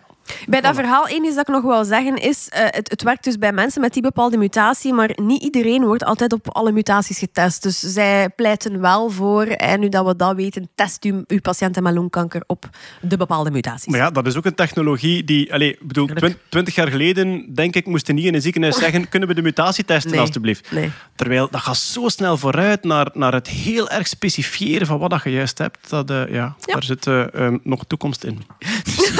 Nu zie ik ik iemand 60 jaar geleden tegen een rokende dokter zeggen... Het is er op mutaties. Ja. Ja. Maar Dan kom, dit is dan een kom ik aan warme melk en vroeger naar bed. Dit is een vorm van longkanker die vooral bij niet-rokers voorkomt. Ah, dus ja, voilà. Oké, va. Oké, eh, we gaan terug naar de technologie. Eh, Jeroen, de Apple Vision Pro. Het is de VR-bril van Apple, maar hij wordt ook een AR-bril genoemd. VR is virtual reality. Heel uw 3D-zicht in een VR-bril wordt overgenomen. AR is augmented reality, dus je kijkt nog rond naar de echte wereld en daar worden stukken op geprojecteerd. Als ik me niet vergis, is die Apple-bril eh, ehm, AR via een omweg, omdat ze, je kunt er niet doorkijken, Nee, maar ze- er zitten camera's in die de echte wereld ook laten zien en daar extra elementen aan toevoegen. Ja, het is eindelijk voorgesteld. Het was al lang een gerucht dat Apple daar aan het werken was. En begin juni hadden ze een conferentie. En dan hebben ze hun typische Apple and one more thing gedaan. Eh, Ja. typische dingen waarmee de iPhone destijds werd voorgesteld. Het is het eerste originele Apple-product sinds de Apple Watch. De eerste nieuwe categorie die Ah, ze ja, ja. aanboren. Dus er, eh, de- het is vooral voor het bedrijf hangt er heel veel ehm, legacy. En dit is een beetje de nieuwe baas van Apple, van wie ik de naam plots kwijt ben. Dinges, eh, s- eh, Cook. Cook Tim, Tim Apple. niet Tim Apple. Weer- Dat Tim heeft Trump daar ja. ooit tegen gezegd. Ja, zijn legacy hangt er een beetje Ja, aan ja, vast. ja. Ja, ja. Trump, Trump zat ooit samen met, met Tim Cook en wat. It's amazing, uh, this American company. I've been talking to Tim Apple. Ja. Ik link het in de show notes. Maar het is dus inderdaad een soort van gebogen skibril. Volledig gebogen. Wat betekent ook dat alle elektronica erin, het, het moederbordje dat erop zit, al die printplaatjes, moeten ook allemaal gebogen zijn. Wat dat de, de kostprijs alleen maar de, de, de hoogte injaagt. Er zitten meer dan 12 eh, hoge resolutiecamera's in. Eh, langs de voorkant is er ook, dus je hebt een camera die de buitenkant filmt en die die langs de binnenkant op je, dus op je scherm laat zien. Langs de voorkant zit er ook een scherm dat aan de buitenwereld getoond wordt. Ah ja, En- want ik Ja. zeggen, ik Jouw- zag die mensen hun ogen. wel, jouw ogen worden langs de binnenkant gefilmd en Jakkes. langs de buitenkant als een soort van duikbrilachtige dingen erop gemonteerd. En dan natuurlijk met een, met een mooi Snapchat-filter erop, Ja. dat je zo wat blinkende puppyoogjes hebt. Hoge resolutie, zijn, hè? ho- hoge resolutie, ik denk ongeveer 8K per oog. Dus eh, als je een 4K-tv hebt thuis... Dat zijn dure ogen. Dat eh. zijn dure ogen, ongeveer 8K resolutie per oog. Ik kan Je zelf bedient zo hem- goed niet zien, denk ik. Je bedient hem via je ogen, je vingers, je stem en, een, en enkele knoppen op het toestel. In de demo's die ze lieten zien, en ook belangrijk, de demo's die ze laten zien, zijn gepre-renderde filmpjes. Want je kan natuurlijk niet laten zien wat er in die bril gebeurt. Ah, ja. Dus alle, alle dingen die je zag, was mooi op voorhand gerenderd en op hoge resolutie. Je bedient hem eigenlijk door zo... Ja, ik wil het bijna zeggen, als een Italiaan eh, je uitscheldt in de auto. Dat soort bewegingen Ah, en met maar- je vingers wrijven. Oké, Ja. maar wacht. Jeroen, je- wat je nu doet is eh uw duim, wijsvinger en middelvinger tot een puntje naar boven wijzen en dan op en neer gaan. Eh, wat ik gehoord heb, is dat, dat, eigenlijk, ehm, dat je dat moet zien als een vraagteken. Ah zo, ja. Ja, dus eigenlijk vraag je dan... Wat denk jij dat je aan het doen bent? En je maakt die beweging als, Ah, ja. als Oh, vraagteken. Ik heb, ja. ik heb die beweging heb ik gezien om te scrollen. Je doet heel veel Ah, ja. handbewegingen. Het gekke is, de meeste demos die ze gaven, was eigenlijk wat dat je nu doet op je laptop, op je MacBook en op je iPhone. Dat kun je nu doen in een groot zwevend vlak voor u. Dus heel veel van de demos die ze lieten zien, was eigenlijk wat dat je doet in 2D, doe je nog steeds in 2D, maar we hebben het verspreid over de ruimte die voor je is. Maar, en dat was heel bewust, zij richten zich niet op gaming, entertainment of sociale netwerk. Zij richten zich op werken. High-end, ja. dus Dat- ding- dingen productief zijn. reflecteert zich ook in de prijs, 3500 dollar. Eh, niet voor iedereen natuurlijk. Ehm, inderdaad, eh, ze richten zich op werkende mensen, op creatives. Eh, alle software die op een iPhone of op een eh, eh, MacBook draait, zou ook gemakkelijk kunnen draaien. Tenminste in 2D-versie ook. In die bril. Ehm, het enige dat mij opviel, en dat toch ook wel het grootste deel van kritiek was, ze wilden die bril, ze wilden er alles in kunnen. Ze wilden enorme performance, ze wilden een enorme batterijduur en ze wilden een enorme resolutie van het scherm. En ze hebben eigenlijk tussen die drie dingen, eh, en, sorry, ze hebben eigenlijk tussen performance, gewicht en batterijduur je kunt ze niet alle drie tegelijkertijd hebben. Ja. Dus ze hebben een soort van concessie moeten doen, waardoor de batterij eh, verbonden is met een draad aan een bakje. Dus de batterij, en dat bakje dat steekt je in je broekzak in eh, Extern een batterijpak, extern batterijpak. Een gewired, batterij aan je gat hangen. gewired naar de bril. Ja. ja. en dat is, dat is een beetje een punt van kritiek voor een bedrijf dat zich zo op design en op, eh, op, Ja. op, op weet ik veel wat allemaal richt, is we hangen de batterij aan een draad aan de bril. Waarschijnlijk de enige oplossing, technologisch gezien, want batterijen zijn zwaar. Maar ik en zie kleding ontstaan waarin dat, dat ingewerkt zit. Of... En wel, ik ga nu even een, eh, een, een, een idee waar ik al een tijdje mee rondloop, ehm, toch maar delen met de wereld. luister, Tim Apple. Eh, eh, ja, nee, het is niet, het is niet voor Apple. Het is, het is, het is meer Kickstarter-achtig. Ehm, de batterijriem. Je hebt een riem en je maakt die iets dikker en je steekt die vol met batterijtjes en daar zitten twee USB-poorten in. En je kunt op elk mogelijk moment je telefoon opladen en Het zo. is het meest nerding dat ik ooit heb gehoord. Maar stel je voor, je, je gaat... Lelijk. Ik vind het nu al lelijk. Ja, maar je kunt dat dun maken. Hè. Je, je gaat s'nachts gaan slapen, je laat je batterijriem op, je doet die aan en je kunt heel de dag, overal waar dat je rondloopt, alles opladen. Maar je kunt ook gewoon s'nachts je telefoon opladen. Hè? Ja, maar zo'n oude en- telefoon die ga geen hele dag meer Maar misschien moet je een nieuwe telefoon dan- kopen, lieve. En moet Blijf erbij, zo... de batterijriem. This is the hill I will die on. En moet je dan zo... Want je hebt eigenlijk geen, geen, geen kabeltjes meer nodig. Je kunt dan je telefoon daar gewoon tegen Ja. plakken. Hij is Dat nog niet wireless. Nee, Ah. dat nog niet. Nee, sorry. Sorry, Jeroen. Terug naar je Maakt uit. Ik zag, ik zag zo, gelijk in de jaren negentig, zo, van die, van die de boomers toen, Ah, die ja. zo, zo'n clipske hun, hun gsm aan hun riem hebben De hangen. Nokia, de Nokia aan de riem hangen. Daar komen we ja. Dat was terug. een Ah, full circle, hè? Dat was een beetje commentaar dat er kwam. Ja, eh, stop de batterij in uw zak. Veel dameskledij heeft geen zakken, heb ik mij laten vertellen. Ah, maar dat is ook een probleem dat we Oh. nog moeten oplossen. De batterij BH. De batterij... Lekker warm ook als je aan het opladen, als het opladen Ja. bent. ja, en als uw batterij opzwelt, dan heb je grote borsten. Ah, voilà, ook al. Better bra. Ja. Swat, eh, het is een product dat maar pas in 2024 op de markt zal komen. Niemand eh, heeft hem kunnen testen daar. Je zou denken, eh, Tim Cook heeft er alleen maar naast gestaan, heeft hem niet opgehad. Wat dat mensen ook al deed speculeren van, ja, wil Tim Cook gefotografeerd worden met, met dat ding op zijn neus? Eh, dus ja, het is, het is een, een, een grote gok voor, voor Apple eigenlijk. En het is ja, 3500 dollar. Wie Dat gaat zijn- er- Veel geld, hè. Het is geen gamingprijzen Nee, het is, het is geen gaming. Maar Ja. vooral ook, dat is AR. Ik heb nu... Allez, we hebben dus sinds kort zo een VR-bril. Ah, Els, welkom bij de club. Welkom ja. bij de club. Amai, ik ga daar zo hard in Ik op. ben mijn ben lief echt- kwijt. Ik ben in een andere wereld. Daar Echt? bestaat geen tijd. Die zegt dan, ik ga een kwartier gamen. Drie uur later is die daar nog Ja, in die is- dat is wereld. normaal, hè. Dat is- Ik ben, ik ben zelf... is dan. ik ben zelf ook... Sinds dat, Extra sinds dat, battery pack in uw zak zitten. sinds dat de lag opgelost is, hè, sinds, sinds dat uw hoofdbeweging echt volgt met het scherm, wat dat bij de eerste generatie niet zo was, sinds dan ben ik om. Ik, ben, eh, ik kan eh, een uur VR-gamen en dat geweldig vinden en weg Enfin, zijn van de wereld. Maar ja. wat ik wou zeggen is, ik ben, ik ben echt weg. Maar zo de, de bevrijding, als je dat spel afzet en dat je zo rond je kijkt en dat je ziet hebben... Ah, dit is terug de echte wereld. Of toch een andere versie ervan. Er Hè? zijn geen orks. Ja. Maar als dat dan door elkaar loopt, ik denk dat mijn hoofd dat niet aan kan. Ja, ja, ja. Deze Dat ik de zou- hele tijd verwacht dat er ergens iets van achter, achter een ding gaat. Ja, dat ja. Deze zou twee uur meegaan met het batterijpak dat in je zak zit. Het Oei, batterijpak oei. dat in je zak zit is een, eh, is een niet-standaard verbinding. Dus de enige, het enige bedrijf dat zo'n batterijpacks gaat mogen maken is Oh Apple. God. Uiteraard. Het is geen, het is geen USB-C, want dat is te gemakkelijk. Dus de batterijriem gaat gewoon niet werken met die bril van Apple of wat? Tenzij dat jij met Tim Apple belt om een compatibel product te maken. En mag dat toch niet meer van Europa? Ze Zo rare van, dingen maken? Ja, het is maar twee uur, maar als je er lang op moet werken, moet je aan een bureau gaan zitten en hem aan de draad hangen. En dan kun je waarschijnlijk mirroren op je echte desktop en dan in Voor de echte drie, wereld... dus 500 euro Ja. wil ik wel niet op een bureaustoel moeten gaan zitten voor daarop te kunnen werken.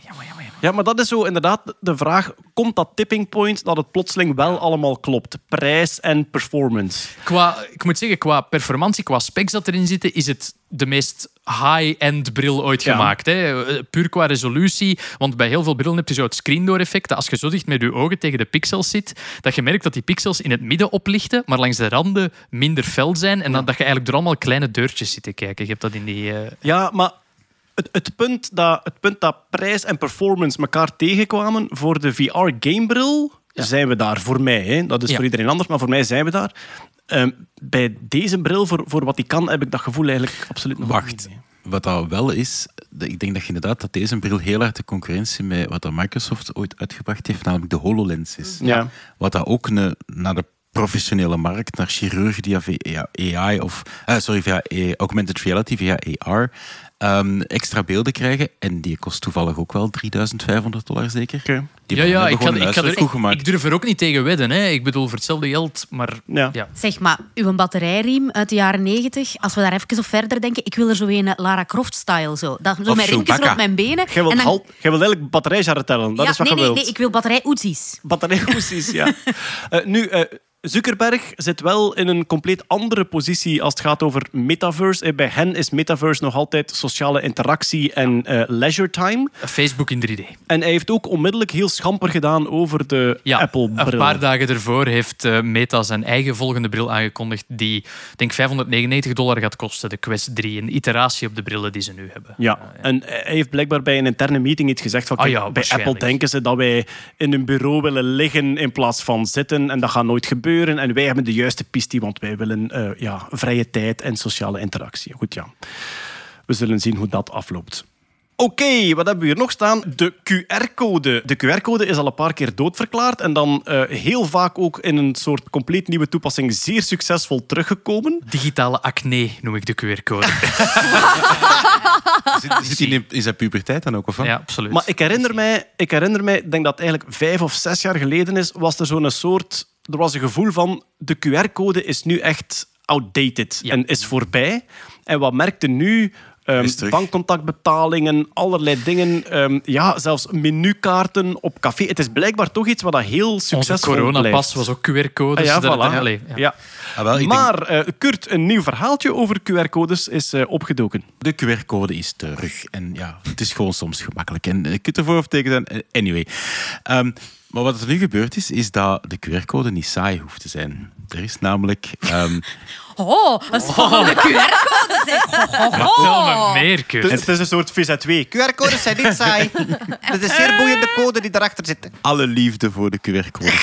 Ehm, nee, samen met, met, met AI zijn er ehm, verschillende in geslaagd om zelfs zeer artistieke en zeer mooie QR-codes te maken, waarvan dat eigenlijk dat je op het eerste zicht zelfs zou niet eens zien dat het een QR-code is, en die dat je toch perfect kunt scannen met je telefoon en dat daar een link of whatever achter zit. Ik heb een paar voorbeelden gezien. Bijvoorbeeld, je denkt aan een soort stadszicht van een middeleeuwse stad.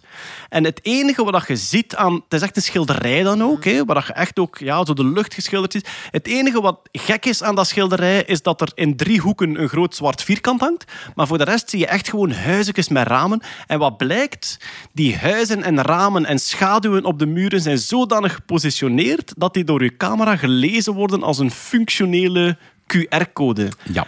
En het is mind-boggling, vind ik, hoe artistiek dat je kunt maken terwijl het toch nog werkt. Maar hoe hebben ze dat ontdekt? Ah, wel, ehm, even het verschil tussen wat dat een streepjescode is en wat dat een QR-code is. Een streepjescode is eigenlijk niet meer dan een lichtmorsecode. En Je schijnt er met een laserstraal op, of je, pakt daar, je schijnt er met licht op en bepaalde stukken worden gereflecteerd. Het is eendimensionaal ook. hè? En ook eendimensionaal, bepaalde stukken worden gereflecteerd en de zwarte streepjes worden niet gereflecteerd. En die sequentie aan licht wordt door een chip geïnterpreteerd als een rij eentjes en nulletjes en omgezet in een cijfer. Als daar één lijntje niet juist van staat, leest hij een foute code. Ja. Daar zit geen redundantie in, zoals ze noemen. Geen overtollige informatie. Redundantie, de, de, de informatie wordt soms dubbel gegeven, zodat Ja. dat je fouten kunt corrigeren. Voilà, inderdaad. Ehm, een QR-code werkt eigenlijk helemaal anders. Daar, eh, we gaan in de show notes een artikel zetten met eigenlijk heel technisch uitgelegd het in elkaar zit. Daar zit wel heel, kort door de bocht, daar zit heel veel redundantie in. Ook het leesproces is anders. Dat is met mapping en kijken wat dat de donkere en de witte stukken zijn, om dan met verschillende lagen, met verticale lijnen, met horizontale lijnen te gaan matchen en te gaan zien welke code daarin zit. En eigenlijk kun je een halve QR-code of een QR-code waar een derde van afgesneden is, kun je nog altijd perfect lezen. En een derde afgesneden bedoelde dan echt gewoon, ik knip één hoek eraf en toch wordt dat nog gelezen? En Bijvoorbeeld de rechter benedenhoek in sommige QR-codes hangt er vanaf van welk type en waar uw informatie zit en hoeveel, hoe dens uw informatie is.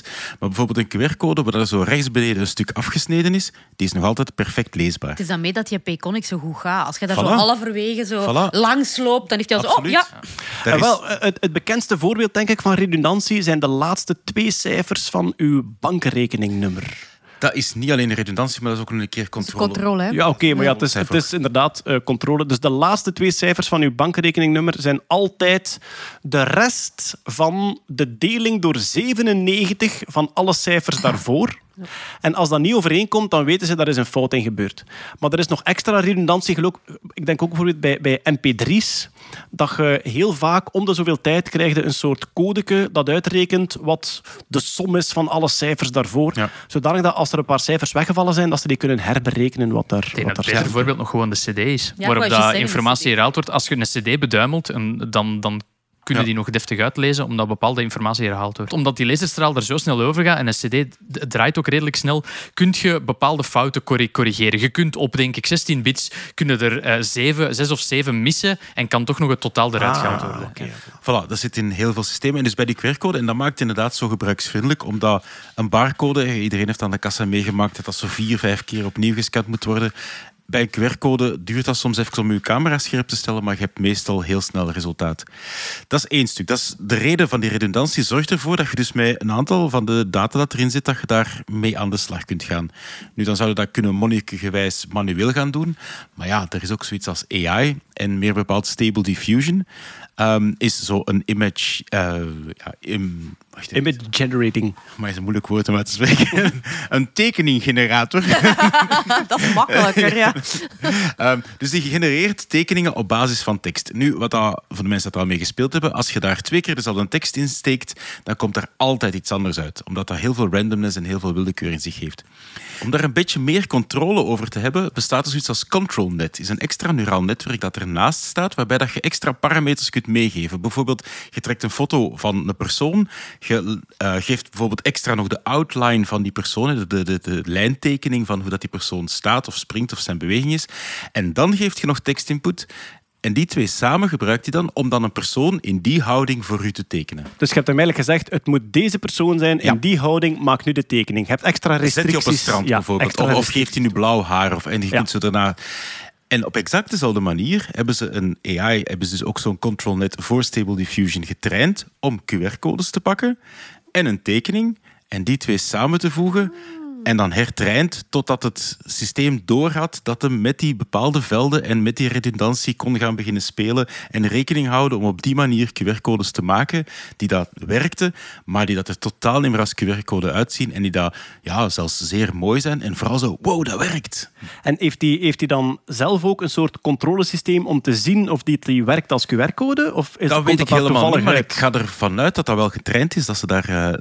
ja, dat hij weet van, oké, met deze velden moet ik rekening houden, met deze stukjes pixel of met deze eh, tolerantiemarge, want daarover gaat het, Ja. kan ik juist gaan spelen van hoe groot moet het contrast zijn tussen de voorgrond en de achtergrond, tussen wat dat wit en zwart is op een standaard QR-code. Dit stuk van het landschap moet pikzwart zijn, dit stuk moet spierwit zijn en daartussen kan ik spelen met groen en blauw en alles wat. Bijvoorbeeld, Heb, heb je nog voorbeelden van foto's? Want we kunnen ze misschien Heel veel. We zullen er heel veel in de show notes zetten. Want ja, sinds dat dat gelanceerd is op Reddit uiteraard, en dan gaat dat helemaal de wereld rond, zijn er echt ook tutorials hoe dat je het zelf kunt doen. Ik zie nu een soort cubistisch schilderijtje van een terras met parasolletjes. En dat Een cubisme, marktplaatje ook. ja, en dat cubisme zorgt dan voor donkere en blekere vlakken, dat dan werkt als, eh, als QR-code. Ik denk wel dat ze minder resistent zijn tegen smoothiness. Want heel veel van die redundantie was omdat QR-codes vaak op bussen geplakt worden. Ja. En als die bus een beetje vuil wordt, wil dat de QR-code nog werkt. Ah ja, ik weet niet of dat, dat bij deze nog zo Waarschijnlijk wel, omdat de redundantie daar uit, ah, minder, er zit minder Ja. redundantie in. Hè? Je Dus, hebt een dus- stuk verloren, je hebt een stuk opge... Ja. Je hebt, je je een stuk informatie... afgegeven, hè? Je hebt een stuk informatie opgegeven aan schoonheid, wat je nooit Ja. moet doen in Ja. deze wereld. Eh, een, een pandabeertje zie ik hier. Ja, een, eh, een planeet met donkere en eh, lichte vlekken op. Maar we zetten ze in de show notes en dan kunt je ze daar gaan zoeken. En je kunt u verbazen over al die werkende QR-codes. Is dat, is dat een openbare engine? Kunnen die gewoon gaan zelf gebruiken? Om, Ja, eh, Stable Diffusion is eh, van de drie meest bekende, is dat degene die je zelf kunt draaien. Er bestaan ook heel veel GUI's. We hebben gewoon een interface daar rond dat je op je laptop kunt downloaden. De enige nadeel is natuurlijk dat je processor van je laptop gebruikt wordt. Dus als je geen krachtige laptop hebt of geen krachtige GPU, dan gaat het heel traag gaan. maar hij draait ook op die nieuwe Apple-chip, die M1-chip. ja, die hè? M1 en M2-chip draait Die kan hem draaien. En kunnen die QR-code-restrictie daar dan gewoon voor downloaden? Of is dat nog Dat afgeschermd? is een extra controlnet, dat is een plugin eigenlijk. Ja, plugin is een verkeerd woord, maar dat is een extra library, een extra stuk software dat je erbij moet installeren. Ja. Oké, va. Ook allemaal open source. Er gaan Alright. al 18 plus QR-codes zijn. Hè? 18 plus QR-codes, ongetwijfeld. Ja, ja. Maar je mag ze zelf ook maken, hoor, Jeroen, als je wil. Niet in de show. Die dan verwijzen naar de Catnet-website, bijvoorbeeld. Oké, en daarmee is het nu onvermijdelijk tijd voor...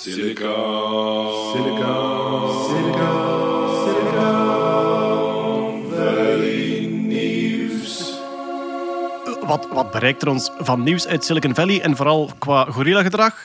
Jeroen, Zuckerberg en Musk gaan een cagegevecht doen. Of, Ja. of ze doen tenminste alsof ze gaan cagefighten met elkaar. Wel ja, dat is- ze hebben elkaar uitgedaagd op een of andere manier tot een soort van gevechtsport. Want ik denk Mark Zuckerberg was eh, een paar weken hiervoor in het nieuws gekomen met dat hij een soort van... ah, nu ga ik de verkeerde gevechtsport zeggen. Ik wil zeggen jiu-jitsu, maar het zal waarschijnlijk taekwondo zijn. Eh, ja, sorry, dat had ik moeten opzoeken. Thai-boxing. Ja, eh, Mark Mark Zuckerberg doet aan jiu-jitsu. Ah, ja. En is, is, heeft onlangs een eh, jiu-jitsu-toernooi gewonnen. eh, en ik denk dat Musk daar schamper op had gereageerd. Waarop dat Mark had gezegd van... "Oh, eh, we gaan wel eens zien. We gaan vechten of wat? We gaan vechten. En waarop dat Musk gezegd heeft, dat is goed. eh, time, en, time en plek. En nu zou er toch... Maar ja, of dat het zover gaat komen, we zullen wel zien. Ja, het is zo wat banter, ja. het is zo wat heen en weer eh, eh, getrashed. Maar ja, Ik kijk, ben er zeker van dat er mensen in de wereld zijn die daar seksuele fantasieën over hebben. Maar van die twee die vechten met elkaar. Ja, in- in een kooi. ik zal support er voor de kooi als die twee vechten. Oké, eh, eigenlijk is er niet zoveel Silicon Valley nieuws dat onze aandacht eh, gevangen heeft. Maar er is wel Silicon Valley nieuws. Want Ja. wij gaan binnenkort naar Silicon Valley! Je gaat op reis. dat daar al dat jullie komen? Nee, nee, nee. En dat is een beetje het probleem. Moesten wij luisteraars hebben die ergens werken in of rond Silicon Valley? Ja. Wij gaan deze vakantie op reis. Wij gaan naar Californië. Wij gaan van LA naar San Francisco rijden. Oh, heerlijk. Ja, en wij gaan dus, ja, wij moeten stoppen in Silicon Valley, hè? En heb je al een eh, Ford Mustang Cabrio gevonden om mee te rijden? Ja, Dus maar dat dat, is- gaat niet. Ja, dat nee, gaat dat is dus de discussie bij ons thuis. Ik wil die Pacific Highway doen in een Ford Mustang Cabrio. Ik heb er alleen een gevonden. Is het echt? Maar Els wil dat niet, omdat dat niet omdat dat te warm is en dat we daar te veel zon gaan Geen op ons hoofd. En, ja. ja. Maar jawel. Maar het belangrijkste, Hetty Helsmoortel is super bang Van van, Mustangs. nee, van inbrekers en alles. Dus als je een cabrio ergens moet neerzetten met je grief in, allez, Maar dan kan doe die je dat nergens toe. niet mogen Dan parkeren. doe je dat toe, liefje. Maar dit is totaal terzijde. Ja, welkom bij de nieuwe rubriek. Een inzicht in het huishoudelijke. Wij willen heel graag naar Silicon Valley. En ik heb zo'n beetje aan het opzoeken geweest. En je raakt daar dus nergens binnen. Ah, natuurlijk niet. Daar is niks Die te hebben geen doen. deuren of wat? Dat is, ja, Dus nee, eigenlijk- die, die Apple Loop die heeft effectief... Ah, ja. Dus eigenlijk, ehm, iedereen die luistert en misschien connecties heeft of zelf Ja. werkt in eh, California, Silicon Valley, LA, die jullie ergens iets kan laten zien, dat we zouden jullie... Oké, you, you, you want Die it. een complete zonneslag verbrande Els en Hetty over de vloer krijgen. Die mogen mailen. Ja, z- zonnecrèmegeur, Ja. een KW aan ook. Ja. Naar help, els en hetty at nerdland.be. Kei scherpig op elkaar ook. Ja. Met een stomme Ford Mustang Cabrio. De cabrio is toch vast, hè? Is de, va- de jij vastgedaan, de cabrio is toch vast, hè? Er liggen toch geen dure spullen in de cabrio, hè? Ja. Het wordt een feest, eh, sowieso. Oké, maar eh, eens kijken. Ander technologie-nieuws en space-nieuws. Eh, de bemande test van de Boeing-capsule is uitgesteld. Hè. Dus eh, ja, de Boeing-capsule die de grote concurrent moet worden van eh, de Dragon, de Crew Dragon van SpaceX. Dus eigenlijk de, de tweede capsule moet worden voor bemande ruimtevaart vanuit Amerika. Is dat in een Starliner? Ja, inderdaad. Ja. Er zit er ook een soort van charismatische, doch rare techmogul achter. Want ik vind het heel gek om Nee. over ruimtebedrijven te praten zonder dat we daar een kop tegen kunnen Ja, hangen. dat is waar, Branson, er- Bezos, Musk. Ja, Dat nee, is dat is, sowieso eh, een vrouw. Meneer Boeing is boring. Of Ja, dat eh, is, dat is gewoon een, een, eh, eh, de big corporation, hè, Boeing, inderdaad. Ja. Het is geen zongedroogde Bee Gees om hier... eh, Boeing. Nee. Boeing. Boeing! Oh jee. Oké, man.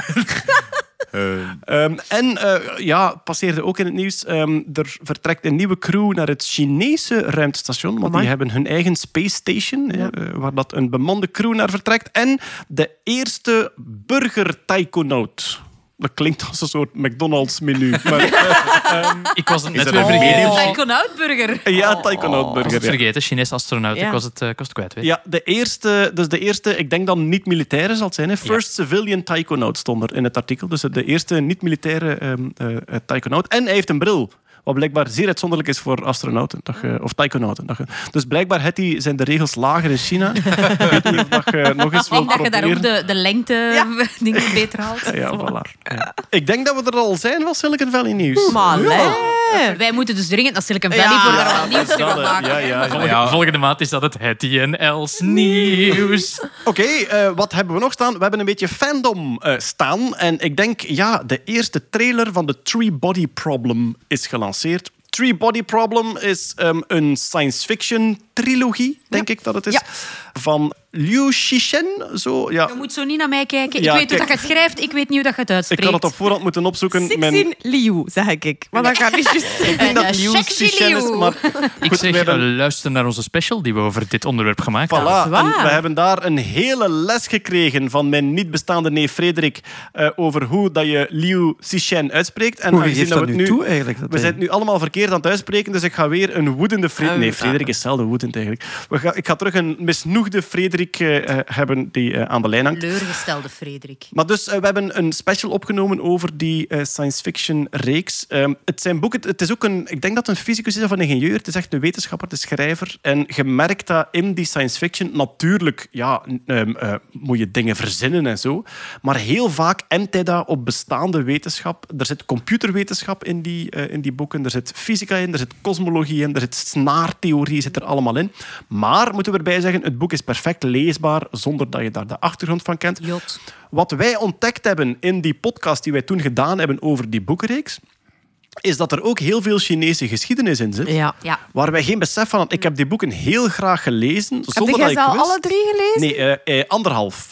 ik, zit halfweg. Ja, ja. Het donkere woud nu. Ja. Voilà, maar dus ehm, daar zit heel veel Chinese geschiedenis in, vooral in een computerspel dat daar gespeeld wordt, waar dat je... Ik had daar geen besef van toen ik het las en ik miste ook niet. Die Chinese revolutie helemaal. Inderdaad. zo. Dat, is- Wa- dat, is nog, dat is expliciete geschiedenis. dat vond De- ik wel heel cool. Ja, ja, de culturele revolutie.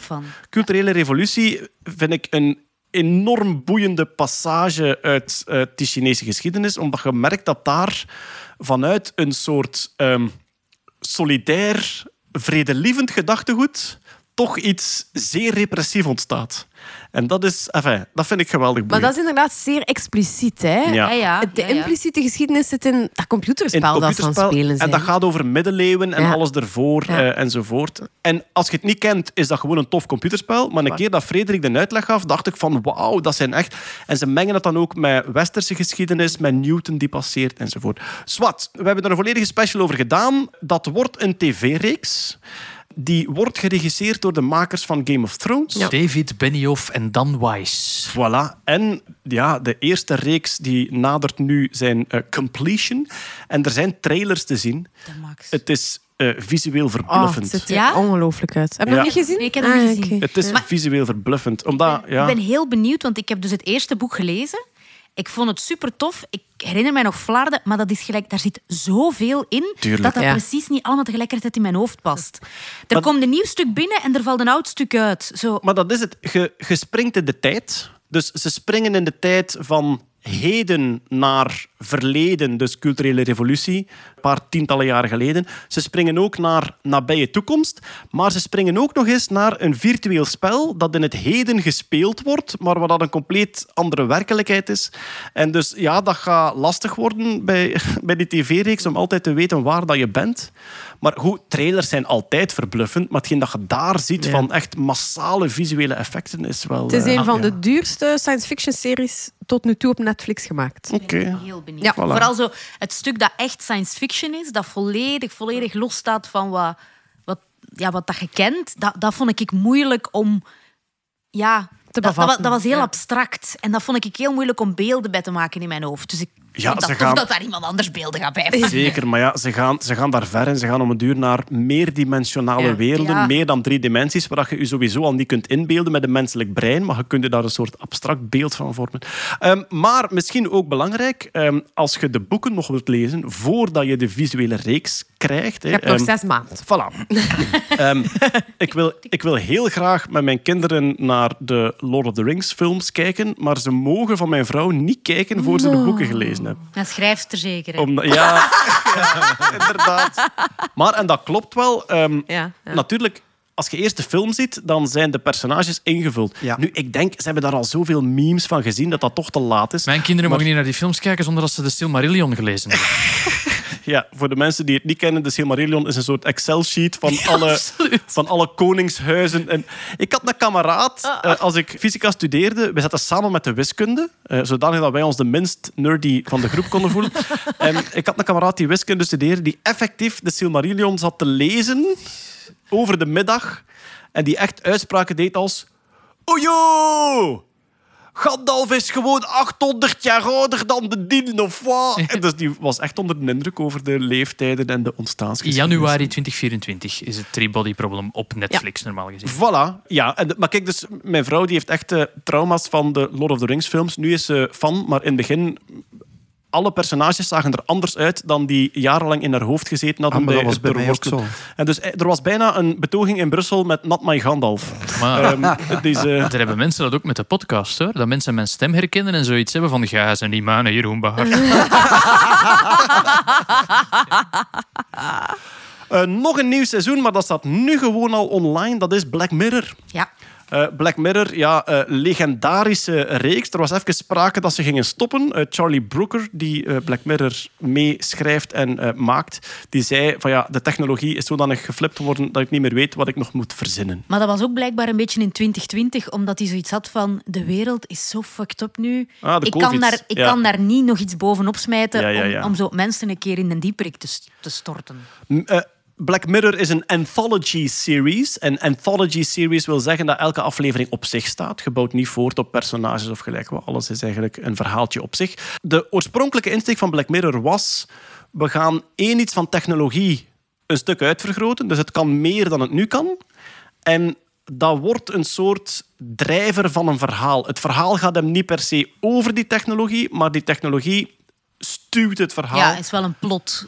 Ja, en De allereerste aflevering is ehm, een chip in uw hersenen die uw geheugen kan opnemen en afspelen op uw tv. Je kunt hem laten zien aan vrienden. Ja. Zijn allereerste in die De allereerste Dat is die met dat varken. ah, ja. dat is juist. Ja, ja, ja. minister. Het is Ja. de, e- in de eerste reeks zit er iets dat je Ja. kunt Ja, al je herinneringen Ja, ja, ja. opnemen en laten afspelen voor elkaar. Zeg, En- en, weten wie dat de vrouw is in die dingen? Ah, zeker. Jodie Whitt. eh, Het zal ja, wel zijn, de ja. dokter, hè? Ja, ja, ja, ja. Ehm, maar ehm, die, die technologie wordt dan, dat vind ik geniaal gedaan, die technologie wordt eigenlijk een beetje een splijtswam in wantrouwen in een koppel. Ja. Waar zijn jij geweest gisteravond? toon het mij op een tv. En dat, dat, dat is geweldig slim gedaan. Oh. Ehm, vooral, het is vooral inderdaad de technologie en dan de, de- wat dat doet met een mens. Met en een het, mens, feit, ja. het is Ja. heel dystopisch, want de mens kan er eigenlijk nooit mee om. Het is altijd ja. kwaadaardig bij spreken voor de maatschappij of de mens Ja. aan zich.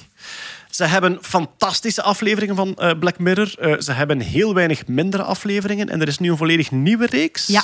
en in die nieuwe reeks, dat technologische, dystopische, dat zit niet meer in alle afleveringen Ja, het is erin. minder, hè? Ah. Dus er, eh, zo, hoe moet ik zeggen, de, de sfeer en de plotwendingen zijn zeer gelijkaardig aan de vorige reeksen. Maar het hoeft, zo, die technologie hoeft niet altijd de drijfveer te zijn. Ik, Ik heb de tweede aflevering gezien. Ja. En daar zit eigenlijk geen... heb die gisteren gezien, ik was er helemaal slecht van. Oké, ehm, mijn, eh, het, het Netflix-algoritme heeft door dat mijn kinderen een leeftijd bereiken dat ze ook mijn interesses gaan krijgen. Dus die krijgen dus suggesties van wat ik goed vind. En dus mijn dochter zat te kijken en ze kreeg suggestie Black Mirror. Ze had er al veel over gehoord. Ze kijkt naar de eerste aflevering en die valt goed mee Ja, ja, qua ja. engheid. En die dacht van, amai, dat is wel tof. En zo'n plot twist op het einde. En je wordt zo wat intellectueel uitgedaagd van, hoe zit dat hier nu in elkaar? En dacht, tof, tweede aflevering kijken. En dan zei ze, dat is fucking eng. Ja.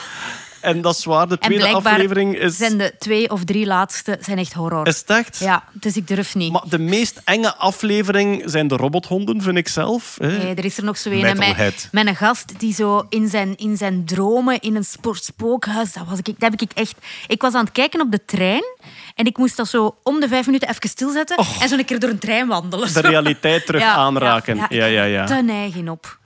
Eh, ook een van mijn absolute favorieten is, ik denk dat het Man Against Fire is, waar dat ehm, een groep soldaten moet vechten tegen... ehm, het zijn geen mensen, het zijn een soort orkachtige wezens. Ze noemen ze ook de vermin. En dus die vallen dorpen aan. En die soldaten zijn opgeleid om die terug te dringen. Maar eh, een van die soldaten, en kan het niet spoilen natuurlijk, een van die soldaten die krijgt, ik denk in een van zijn technologische hulpmiddelen, krijgt die een malfunctie, waardoor dat, dat een, ja, een hele zieke twist krijgt, waar dat je echt van wakker ligt van oké, maar Ja. hoe dicht komt het nu bij de werkelijkheid wat hier verteld Ze wordt? hebben ook een interactieve aflevering, hè? Bandersnatch. Bandersnatch, waar dat je zelf kiest hoe het, Ja. hoe het verder gaat. Ja.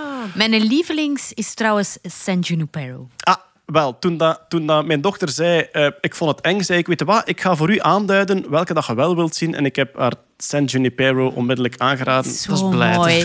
Een- ja, Oh. ja, heel schone aflevering. Maar dus ook de nieuwe, allee, ik heb er nog maar twee gezien. De eerste vond ik hilarisch grappig eigenlijk. Love Salma Hayek, hè, Frida. Is Hayek was supergoed daarin, Max, ja. maar die kan zo met haar eigen lachen ook. Ja, ja, zeker. Zo goed. Ja. Ze hebben ook blijkbaar, toen dat ze die hebben gepitcht bij Netflix, zeiden ze van ja, we willen een dienst maken zoals Netflix en we willen het eigenlijk heel veel laten lijken op Netflix. Want ze hebben zo Streamberry heet dat dan in. Streamberry, ja. En Netflix had zoiets van, even nadenken, ja, het is goed. En ze hebben dus een volledige site. Je kunt je dus ook aanmelden online op Streamberry. Je kunt een login maken. Ja. Dus eh, dat is wel cool. Netflix heeft ook, toen als de nieuwe reeks is uitgekomen, heeft zo'n hele dag al hun eh, social media en zo, ze hebben ze zichzelf omgedoopt tot Streamberry. Ah, oké. En dat vind ik dan wel, allee ja. Hè? Voilà, ik heb ze nog niet gezien. Ehm, ik heb er twee gezien eh, van de volledige reeks, maar ik ben heel benieuwd. En als je de vorige reeksen nog niet gezien hebt, immense aanrader. Ik vind dat heel clever. Trouwens, Charlie Brooker, alle andere dingen dat hij gemaakt heeft, Screenwipe, Newswipe. Vroeger maakte hij jaaroverzichten die echt hilarisch zijn. Die staan nog altijd online op Voornamelijk YouTube. op YouTube te vinden. Ja, Ja. de 2015 wipe, 2016 wipe. Hij is ermee gestopt omdat Black Mirror te veel werk was. en ik vind het soms heel lastig, want ik ben heel blij dat hij Black Mirror gemaakt heeft, maar die jaaroverzichten En hij waren echt schrijft ook eh, Kank on Earth en Kank on, on ja. De, de, Ja. ja. de film in een Kank. Ja, Ik zal het linken in de show notes. Oké, we hebben eh, nog een fictiedingetje. Namelijk, er komt een film over Oppenheimer. Beetje een non-fictie dingetje zelfs. Eh, ja, het Ja. Is, ja, het is een fictiefilm, maar het is inderdaad ja, ehm, gedramatiseerde eh, historische Het gebeurtenis. is gebaseerd op een boek, hè? Ah ja, Ja. Een, biografie van Oppenheimer. Ja. Oké. Oppenheimer, ehm, Amerikaanse fysicus en is een van de leidende figuren van het Los Alamos-project. En dat zijn de fysici die in Amerika de atoombom ontwikkeld hebben. Lo- Los Alamos is denk ik de plek en het project was in Ja, Manhattan. Manhattan, hè? Ah ja, Manhattan voilà, inderdaad. ja. Maar eh, Los Alamos, ik denk dat het nog altijd een onderzoekscentrum Ja. is vandaag. In New Mexico, hè? Ja. Ja. Wie zat daar allemaal samen? Ehm, Einstein is daar gepasseerd. Ik denk Bohr zat daar ook. Feynman was daarbij als heel Fermi- jong manneke. Fermi Fermi, Oppenheimer. Dat was echt een soort concentratie van alle topwetenschappers aan geallieerde zijde met het idee ze dachten of ze wisten een atoombom is theoretisch mogelijk en zij waren ervan overtuigd dat Duitsland ermee bezig was. Wat blijkt achteraf? Wat blijkt achteraf? Duitsland was daarmee bezig, maar zat dan op een compleet verkeerd spoor. En dus na de Wereldoorlog ontstaat er bij veel van die fysici en vooral bij Oppenheimer een gevoel: wat hebben we gedaan? Ja. Wat hebben wij gecreëerd? Ehm, Oppenheimer is dan nog langs geweest bij Truman, denk ik, die toen president was. En heeft toen echt zo zijn hart uitgestort van kijk, ehm, ik, ik, vind het moeilijk om te leven met wat dat wij gebouwd hebben. Ik heb bloed aan mijn handen. Ja. Waarop, Truman hij, die waarop hij ook is afgerekend omdat Oppenheimer er werd van beticht om eerder linkse, zelfs communistische Ja. rode, rode kameraden, vrienden te hebben. Maar Truman ja, was een pragmatisch, ehm, pragmatisch politicus. En eh, die, heeft, ehm, die heeft toen gezegd: Jij hebt geen bloed aan mijn handen, ik heb bloed aan mijn handen, want ik heb het bevel gegeven. Ga hem maar gaan smijten. En die zou, toen dat Oppenheimer vertrok, zou die gezegd hebben: I don't want to see this crybaby scientist again. Oh, jong. Ja, en misschien ook vanuit Truman een soort manier om daarmee om te gaan door zich heel hard en sterk voor te stellen, omdat hij dan minder over de trauma's moest nadenken. Maar ehm, enorm boeiend figuur en natuurlijk een zeer woelige periode waar dat heel veel gewetensbezwaren enzovoort eh, bovenkomen. Ik ben enorm benieuwd hoe, Ja, dat ze, het, eh, hoe, dat ze het gaan, eh, hoe dat ze het gaan Het is portretteren. wel mijn sterrenkast cast ook. Ja, ik heb de trailer gezien. Die is ah, wel, adembenemend. Even, even om te beginnen, die film stond al op onze radar, maar full disclosure, ehm, eh, Sony heeft ons ook gecontacteerd en heeft gezegd van, zeg, als jullie hierover willen vertellen in de podcast, hier zijn nog extra beelden en hier is nog wat behind the scenes. Dus ehm, Los Alamos, compleet geheime plek. Iedereen die daar naartoe moest, die moest via een ander station reizen. Dus al die wetenschappers hadden een opdracht gekregen, jij gaat naar dat station, jij naar dat, zodanig dat we niet gespioneerd kunnen worden. Wat doet Feynman in het eh, treinstation? Een ticketje naar Los Alamos, alstublieft. Want Feynman dacht, als al die anderen naar een ander station gaan, is dat niet verdacht. Wat was de reactie van de treinbediende? Ah, ik dacht al dat daar iets aan de hand was. We hebben daar heel veel grote kisten naartoe gestuurd. Dus alle mensen hadden ze omgeleid. Alle grote kisten met wetenschappelijk materiaal hadden ze recht naartoe gestuurd. Dus enfin, ja. Wel, Christopher Nolan wou daar gaan filmen, maar dat blijkt daar... Er zijn nog restanten van, hè, van, van, van dat project. Eh, maar er staan nu heel veel gebouwen, inclusief een Starbucks. Zei, eh, en hij zegt, ja, ik ging dat niet wegkrijgen op beeld.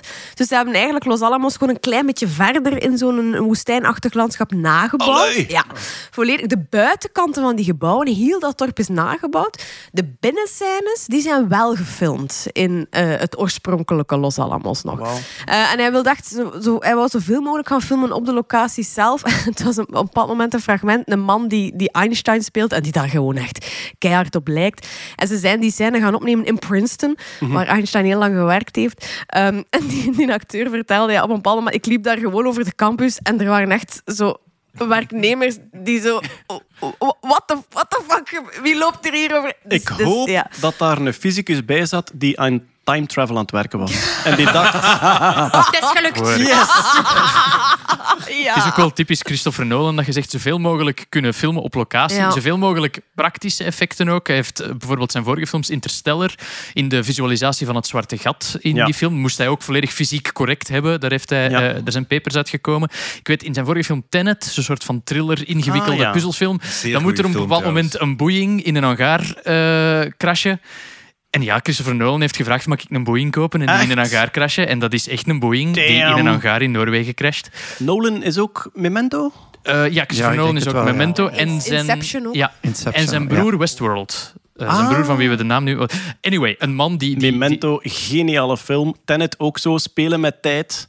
Ehm, Inception, ja, voilà, kijk, ja. In, in goede handen. ja, man Ja. verlegt altijd een beetje zijn, zijn grenzen van wat dat hij kan. Eh, filmt ook de hele film in IMAX, wat dat eh, een gigantisch beeldformaat is. Maakt het ook zeer moeilijk om met gigantische camera's te filmen. En voor deze film had hij stukjes in zwart-wit nodig. Wat blijkt, eh, filmrollen voor eh, IMAX-camera's op zwart-wit, dat bestaat niet. Dus Christopher Nolan heeft gezegd, dat is goed, dan ontwikkel ik dat. Ik denk dat die man ook een open portefeuille krijgt van, eh, van zijn, zijn distributeur. Dus ja, eh, dat is, ik, we keken er sowieso naar uit, maar Sony is zo vriendelijk geweest om ons nog ietsje Nog meer een beetje te verlekkender te maken. kijken. Ja, Ja. absoluut. Eh, Op- Oppenheimer wordt gespeeld door Cillian Murphy. Ah, Ja. oké. Ja. Bekend als de, het hoofdpersonage van Peaky Blinders. Ja, Ja. voilà. Dus Ja, ja. Ik, we hebben nu direct al... Ik, ik zie nu al dat, ehm, In dat wij eindelijk... speelt ook mee. Ja. Ik zie nu al dat wij Ja. eindelijk als koppel naar een film kunnen gaan. Ah. Ik voor Oppenheimer en mijn vrouw voor Cillian Murphy. Want sinds Peaky Blinders eh, ja, wordt ze daar eh, zeer enthousiast van. Ehm, Ja, Matt Damon speelt een Matt kolonel. Damon. Ja. Eh, wie staat er nog op de castlist? Nu ben ik even aan het kijken Rami wie, wie dat wel mogen zeggen. Ah, ja, Rami Rami Malek. Malek, ja. die Freddie Mercury gespeeld Ja. heeft, Ja. denk ik. En ook in... eh, eh, Lodde, Lodderoog van Mr. Robot. Ja. Allee, Ja, sorry, Mr. dat is een beetje een Robot. raar oog. Een beetje een ja, raar ja. oog, ja.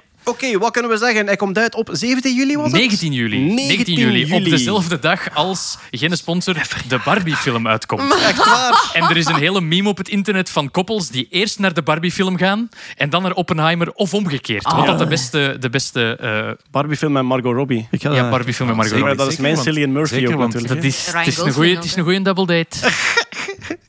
Eh, kijk, ehm, ik, ik denk eh, dat er in de volgende podcast misschien al een... Eh, Christopher Nolan zegt zoals altijd, ga op een zo groot nee. mogelijk scherm in uw buurt Ja. kijken. Dat is, eh, dat is wat Ah ja, hij wil, hij wil dat je in het groot Ja. kijkt. Ja, voilà. Maar kijk, eh, wie weet, volgende overzicht hebben we misschien al een soort recensie. Want wij zijn very eager, vooral ook voor het historische wetenschappelijke verhaal dat erin zit. Wat dat betreft, verder naar het kurkdroge, zeer ernstige wetenschapsnieuws. Els, er wordt gewerkt aan een visdeurbel. Ja, Wat is in godsnaam een visdeurbel? wel.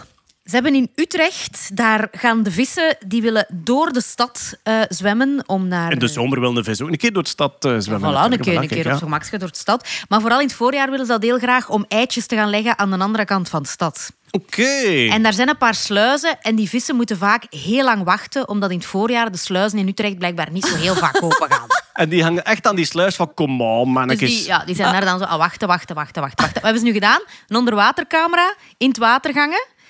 En je kunt dus naar eh, visdeurbel.nl surfen. en dat is het spannendste spel dat ik in lange tijd heb gespeeld. Elke keer dat ik daar naartoe surf, zitten er tussen de 100 en de 200 mensen naar die, naar die stream te kijken. En daar hangt dus een belletje, allez, zo een knopje naast. En je een visie moet op het knopje drukken. en dan pak dan een foto. En als het een goede foto is, kun je hem doorsturen naar de sluiswachter. En als hij genoeg foto's krijgt van verschillende vissen, dan, doet hij de doet hij sluis de open. Hey, jongens. Visdeurbel. Het zou toch wel de meest geniale dikpik zijn als je nu in het water gaat hangen en niet Zie je met een vis? Zie je met een vis? fotografeert deze visies. Eens. Maar eigenlijk is dat een skinnersbox eigenlijk. Hè. Je wordt gewoon geconditioneerd om naar... Ah ja, Hey, maar Ja. het, is, het is echt, ah, ik, vind, ik vind het echt super spannend. Want je ziet een vis komen, maar je mocht niet direct duwen. Want je wilt natuurlijk een zo goed mogelijke foto dat je ook kunt zien welke vis dat is. Oh. Dus het is zo, wacht, wacht, wacht, wacht, wacht. Ah, te lang gewacht, hij is weg. Allee, zeg, en dat ze dat nog niet met AI kunnen. Of misschien willen ze het niet omdat het tof is. We Ja. zijn nu aan het kijken. Els is dan een vis? Nee, dat is gewoon dat is Nee, nee, dat is dus gewoon... Ja, het is dus ook ondertussen... met geluid. Het is ondertussen al donker aan het worden. Dan zijn er ook de meeste vissen. Echt? Ja. 159 mensen. Alleen min 2, ik en Kurt. Maar Ja. toch, toch Ik vind het veel. mooi dat wij dit moment delen, hoor. Echt, ja, maar... is en tot de- nu toe zijn Oh, er al- ik zie de deurbel. Ik heb nog niet geduwd. Tot nu toe zijn er al het meeste baarzen en brasems. Ja. Ik vind in zijn eenvoud geniaal. Geniaal site. Het is ja. toch ook iets om, als je aan het strijken bent of was aan het vouwen, om gewoon op te zetten voor je neus en gewoon zo, ah, kijk. Ik heb dat al twee keer opgezet. Ik kan daar niet van wegkijken. Je denkt dan, ik zet dat even op mijn tweede scherm open. Ik zie het wel als er een vis komt. Maar meestal, dus je zet dat op. En binnen, in de eerste minuut dat dat opstaat, zie je zo wel ergens iets bewegen. En dan zijn het dus hoekt. Maar, maar ik snap het, maar ik, ik- we moeten gewoon vals spelen. We kunnen nu een AI-systeem schrijven dat die camerafeed extra binnenhaalt en gewoon automatisch op de deurbel belt. Ja, Ja. dat kan. Begin maar te programmeren, hè, Kurt. Ver, ver, vermoos, maar, week. Ik vind het grappig, dat, vermoos maar de lol van iedereen. ik vind het grappig En dat we reclame maken voor zo Netflix en Black Mirror. en, en Christopher. Nolan die 68 mm IMAX film. Maar er is ook een webcam.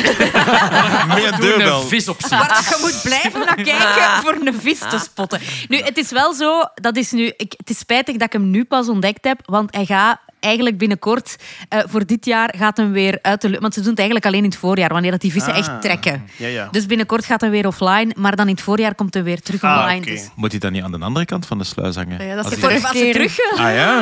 Maar ik denk in de zomer dat er meer pleziervaart is in Utrecht en dat die Ah, sowieso ja, vaker open gaan. die Ah, ja, dat is ook... Maar ik, ik wil nu eigenlijk wel een, een, een ding lanceren. Oh, ik zie een vis, ik zie een vis. Kurt, laat dat binnen. Dat is echt te laat.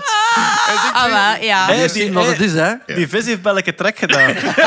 De wonderen van technologie. Nu Zijn ben je ik dus hooked. een uur Ja. kwijt van uw leven met te kijken naar die stream. Oh, dat is echt zo teasen. Ja, ja, ja, ja, ja, ja, ja, Echt ja, zo uw, Die vis weet dat, hè.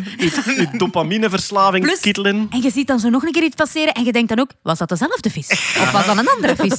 En Het is toch wonderlijk dat door de, de, de macht van technologie Kurt nu een vis heeft kunnen teleurstellen. Enfin, ik zou dus willen zeggen, als er mensen van Utrecht luisteren, begin een petitie of zo. Want ik vind dat dat, dat moet toch gewoon online blijven. Ook al is het nu functioneel, Nee, voilà, pakt ons voilà. plezier niet af. Gewoon, ja. Ik wil dat doen met camions op de Brusselse ring. En dan de brug openzetten. Ja. Ja, voilà. Oké, we gaan eh, verder met eh, bloedernstig wetenschapsnieuws. Eh, Jeroen, ik ga gewoon de titel voorlezen van het Engelstalige artikel. En dan mag jij uitleggen waar dit in godsnaam over gaat. De titel is... Scientists study the locomotion of great tits. Hey. Het is I minder, guess het I'm a scientist. is, het is minder, minder vuil dat je denkt. Eh, ik, zal, ik zal gewoon eh, gebruiken. eh, Peter, een great tit. Wat is dat als je dat vertelt? Een koolmees. Helaas dus. Inderdaad. En dan heb ik ook de nog van... pimp- de pimpelmees is de blue tit. Bloedtit. Ah, voilà. Great tit en de blue tit. En de Jan van Gent is de boobie. Ja. Echt? Wauw. Ja. En dan heb ik nog van, van Hetty En iets een nodig. haan, dat is... Een kak, ja, Hetty zijn telomeren. Dat zijn de eindjes van chromosomen. eindjes van chromosomen. Wel, er is een theorie dat bij great tits, dus bij koolmeisjes, dat die eindjes van chromosomen tijdens de levensduur kunnen veranderen op basis van hoeveel stress die vogels ondervinden. Dat was een hypothese. Namelijk, die worden blijkbaar gebruikt bij als cellen eh, Ouder deel- worden. ouder worden. Eh, Je kunt dat een beetje vergelijken met zo het, het plastiekje dat over je schoenveter zit. Ah, dat, ja. dat beschermt je, je veter tegen uitrafelen. Hoe ouder je wordt, hoe ouder een cel wordt, die telomeren brokkelen een beetje af. Dat is ook heel belangrijk in kankeronderzoek. Ze dachten dus, als die beesten gestrest zijn, dan gaan die telomeren rapper kapot. Wat hebben ze gedaan om die beesten een beetje stress te bezorgen? Ze hebben, ze hebben tien koolmeisjes uitgerukt. eh, Uitgeru uitgerukt. Sorry, het is omdat hier Great Tit staat. Nee, Eh, ze hebben tien koolmeisjes uitgerust met een rugzakje. Zodat die eigenlijk een heel jaar door harder hun best moesten gestrest doen. waren. Gestrest, harder hun best moesten doen om te vliegen. En daar hopelijk stress van ondervonden. Eh, resultaat van het onderzoek, eh, geen verandering in de telomeren. Dus het, het heeft niet zoveel uitgehaald. En de locomotion, dat was dan gewoon om ze te De, de stresseren. manier van, eigenlijk. ja, de, de, de manier van voortbewegen. eh, Ja. Die vogels die, die, bewegen zich op een heel specifieke manier voort. Als we die manier van voortbewegen lastig of ambetant maken door dat Ja. rugzakje.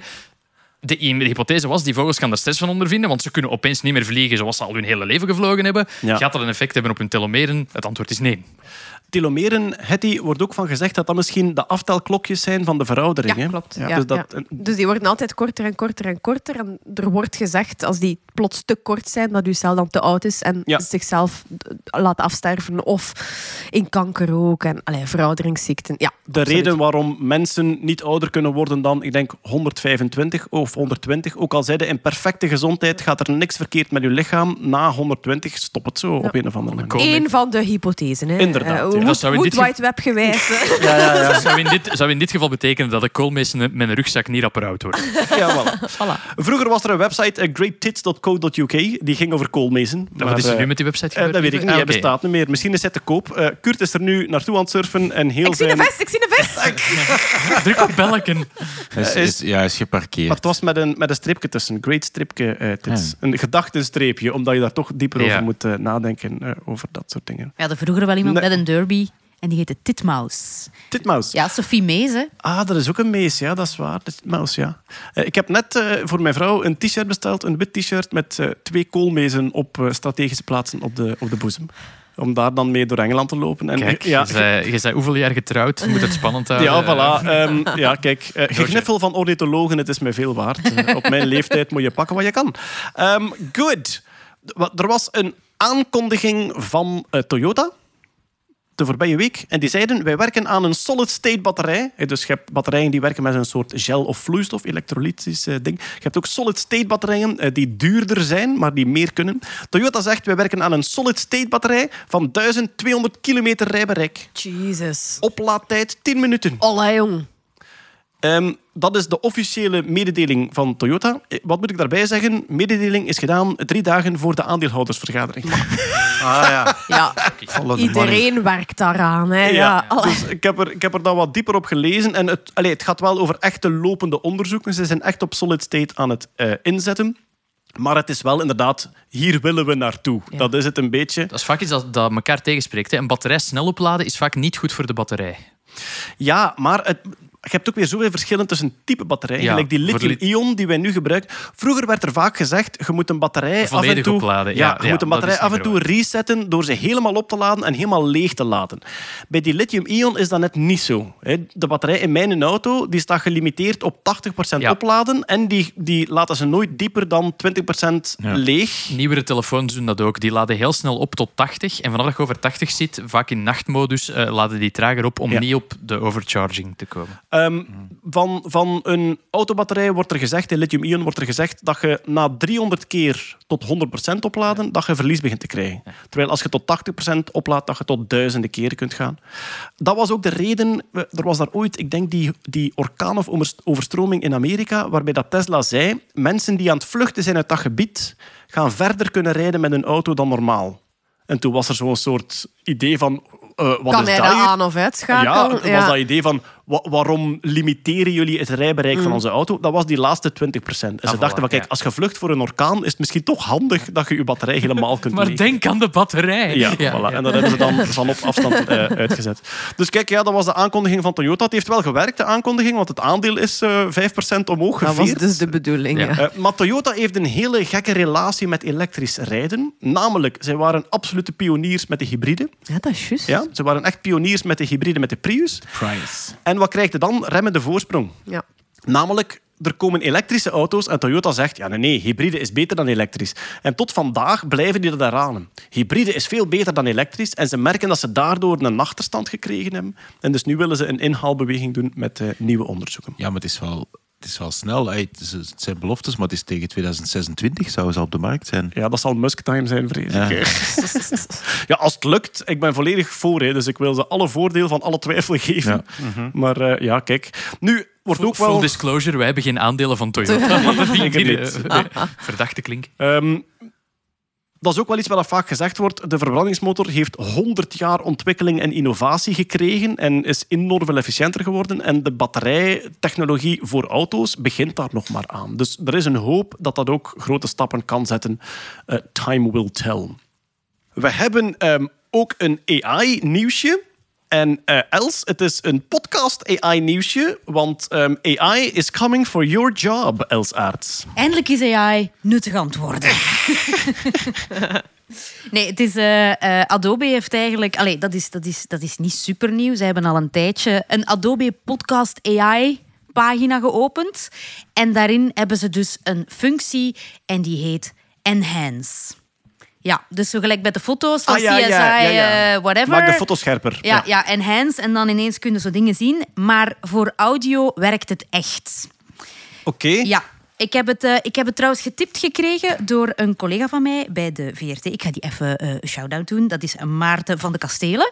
Want ik vind dat tof als mensen naar mij dingen sturen. Dat ze zeggen, jij bent een audionerd, je gaat deze wel tof vinden. Ik vind dat heel tof. Ehm, en wat heb ik daar nu een keer doorgetrokken? De laatste aflevering van Nerdland voordat ik erbij kwam. Even nog wat dissen zo. We spreken over de kartonnen doos. kartonnen Peter. doos. Ja, ja, ja, ja. ja, dat was juni 2018. Ik weet het nog heel goed. Ik ben een van de mensen die die aflevering volledig heeft uitgeluisterd. Proficiat. Maar ik denk niet dat er veel met mij zullen zijn, want dit, dat klonk ongeveer zo. En ze hebben daar nu filmpjes van. Het heet eh, Stuntronics. En als je het eh, opzoekt, eh, Stuntronics robots van Disney, het ziet er nu al goed uit.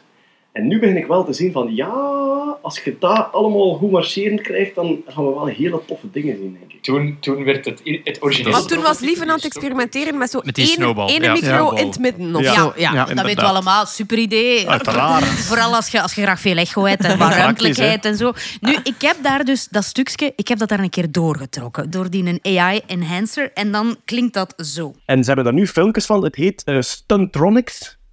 En als je het eh, opzoekt, eh, Stuntronics robots van Disney, het ziet er nu al goed uit. En nu ben ik... Waar ligt mijn snowball? Dat is niet te geven, toch? Dat is onwaarschijnlijk. Werkt het ook als we met veel door elkaar spreken?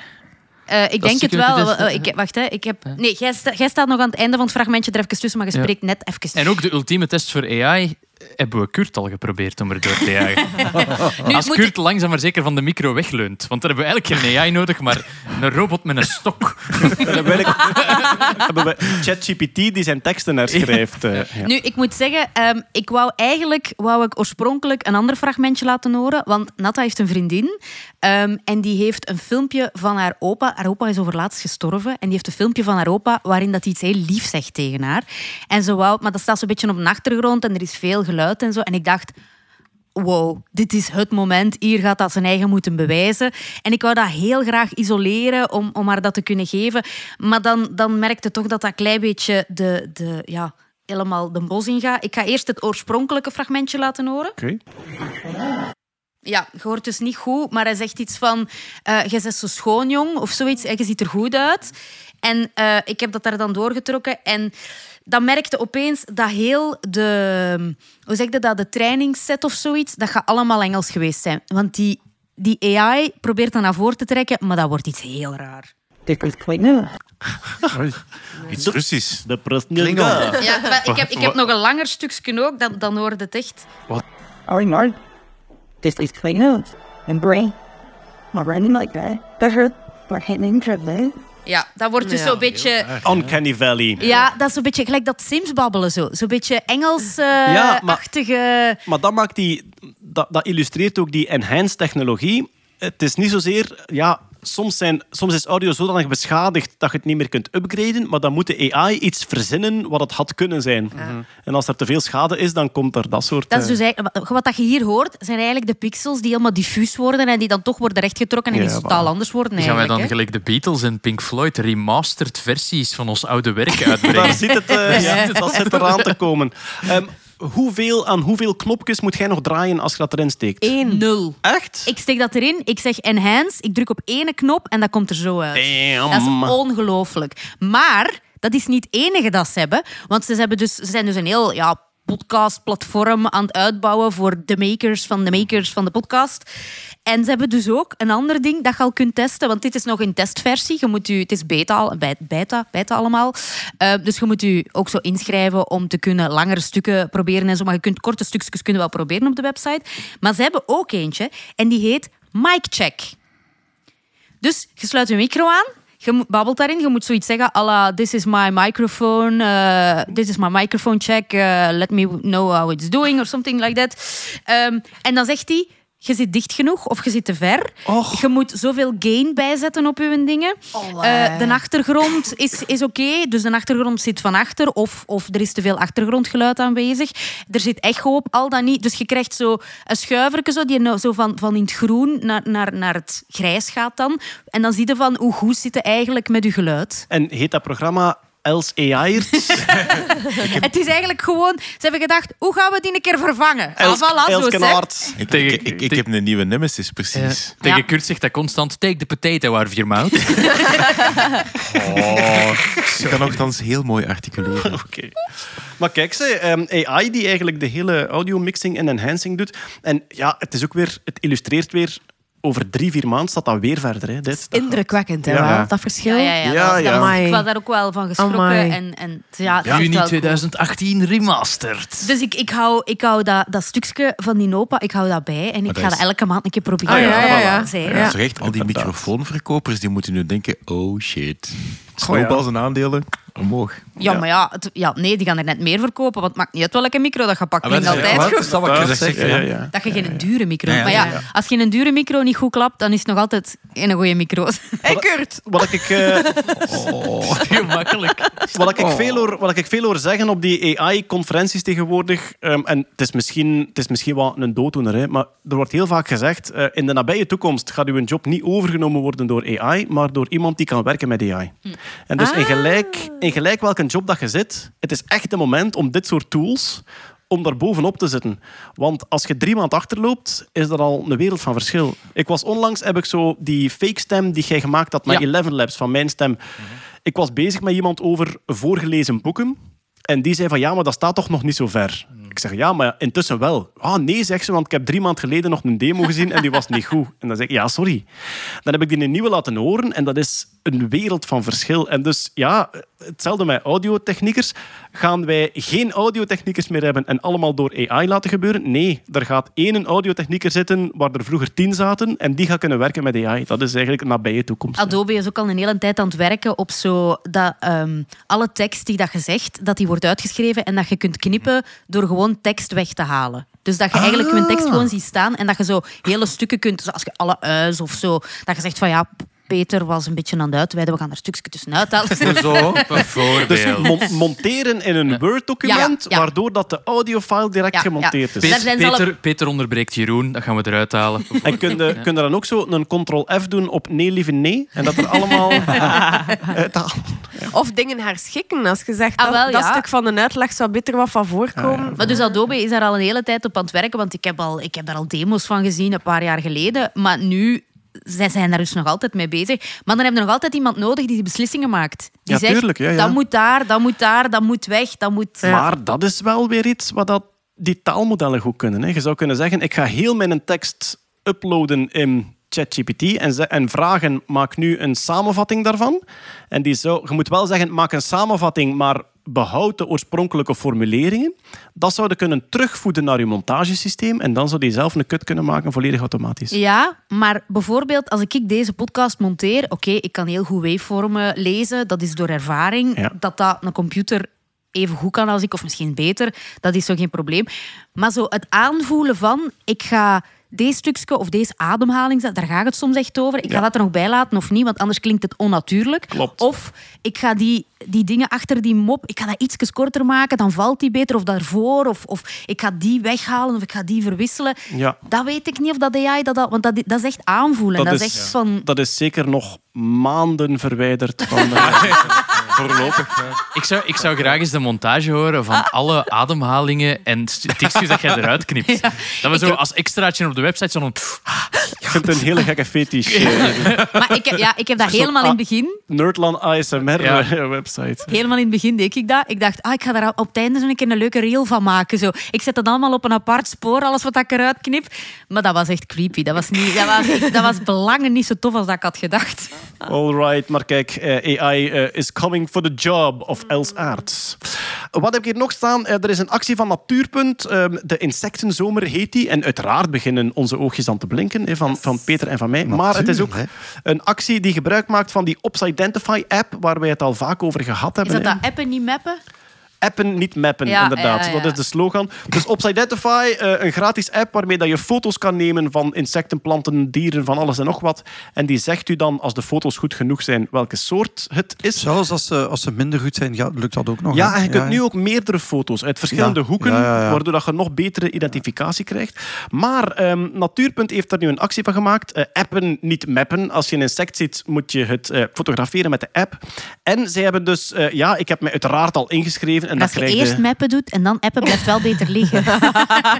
Ja, maar als je te hard mapt, dan Ah is ja, de dan vorm herkent weg. het niet meer. Ja, ja, ja. nee. Meppen met je telefoon. Ik heb een, eh, ik heb een insectenboek liggen hier in mijn kamer. eh, en die heet, ik denk, What's That Goo?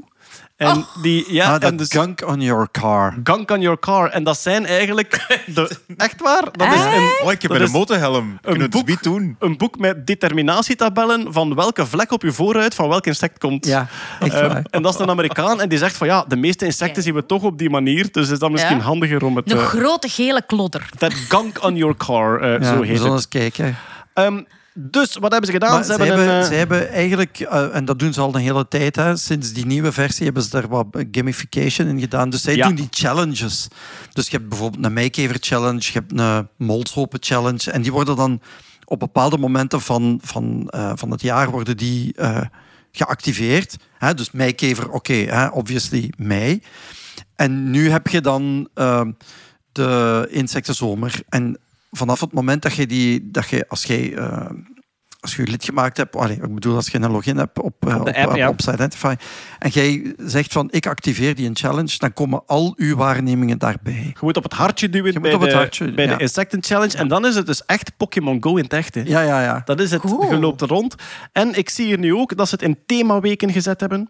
Ehm, de eerste week van juli. Ah nee, de, ehm, als deze podcast uitkomt, is de Libellen en Juffers eh, Ah, week net gedaan. Eh, de week die nu begint, dus vanaf 3 juli, zijn vliegen en muggen. Muggen Ah, genoeg van de jaar, dat is al geen probleem. Maar vliegen, weinig mensen eh, beseffen dat, maar er zijn enorm veel soorten vliegen rondom ons. Wij zien vooral die huisvlieg, maar er zijn Maar, er eh, enorm maar veel ik, meer. ik daag je wel uit om een foto mee op, op Identify te kunnen trekken van een vlieg, want die is weg, hè? Ah ja, maar mij lukt dat. Nu, ik, heb ook, niet. ik heb ook wel ehm, ik heb een nieuwe app geïnstalleerd waarbij dat je al je instellingen van je fototoestel manueel kunt doen. Dus ik kan manueel focussen, manuele belichting aanpassen. Oh, dat is nice. En het probleem is, een vlieg die op een venster zit, je trekt een foto, is het altijd scherp op de achtergrond. Met die manuele kan ik hem bijstellen dat ik altijd de vlieg zelf eh. Stof ze wel, lieve. Die liggen s'avonds in bed en dan vraagt, eh, vraagt zijn vrouw van doe eens iets aan die mug, lieve. Komt, komt, komt lieve vijf minuten later terug. 95 punten op Opside Identify. Ik ga nog even afwerken. We hebben nog eh, vanaf 17 tot 30 juli de dag- en nachtvlinders. Dat zal een hele populaire worden. Dan hebben we de denk week ik daarna hebben we de kevers en de wansen. Ook tof. Alright, hè. Dat ja. is eh, een hele mooie groep, eh, eh, vindt Peter ook. En, ehm, Maar ja, maar dat is toch... Oh, dit moet echt zien. Dat er iets Maar de, de dynamiek die er dit is tussen gelijk twee dat mensen jullie en over, mensen- oh, jullie over Pink en Harry Styles bezig zijn. Ja, ja. Eh, En we eindigen met springkanen en krekels eh, op het einde van de Oh. zomer. Voilà. Dus kan eh, niet wachten. insecten, insecten zomer zomer kan niet meer van stuk. Natuurpunt. En wat is de bedoeling van Natuurpunt? Zij willen data verzamelen? Ja. Oh, ja oké. Ja. Het gaat hem inderdaad over waar zitten welke soorten en ja, de, de insecten achteruitgang die al een Ah. tijdje bezig is om die zo goed mogelijk te kunnen Het monitoren. is dus echt weer citizen science dat ze doen. Citizen Science, ja, Ja, ja, op een ja, ja. gegamificeerde manier. Leuk.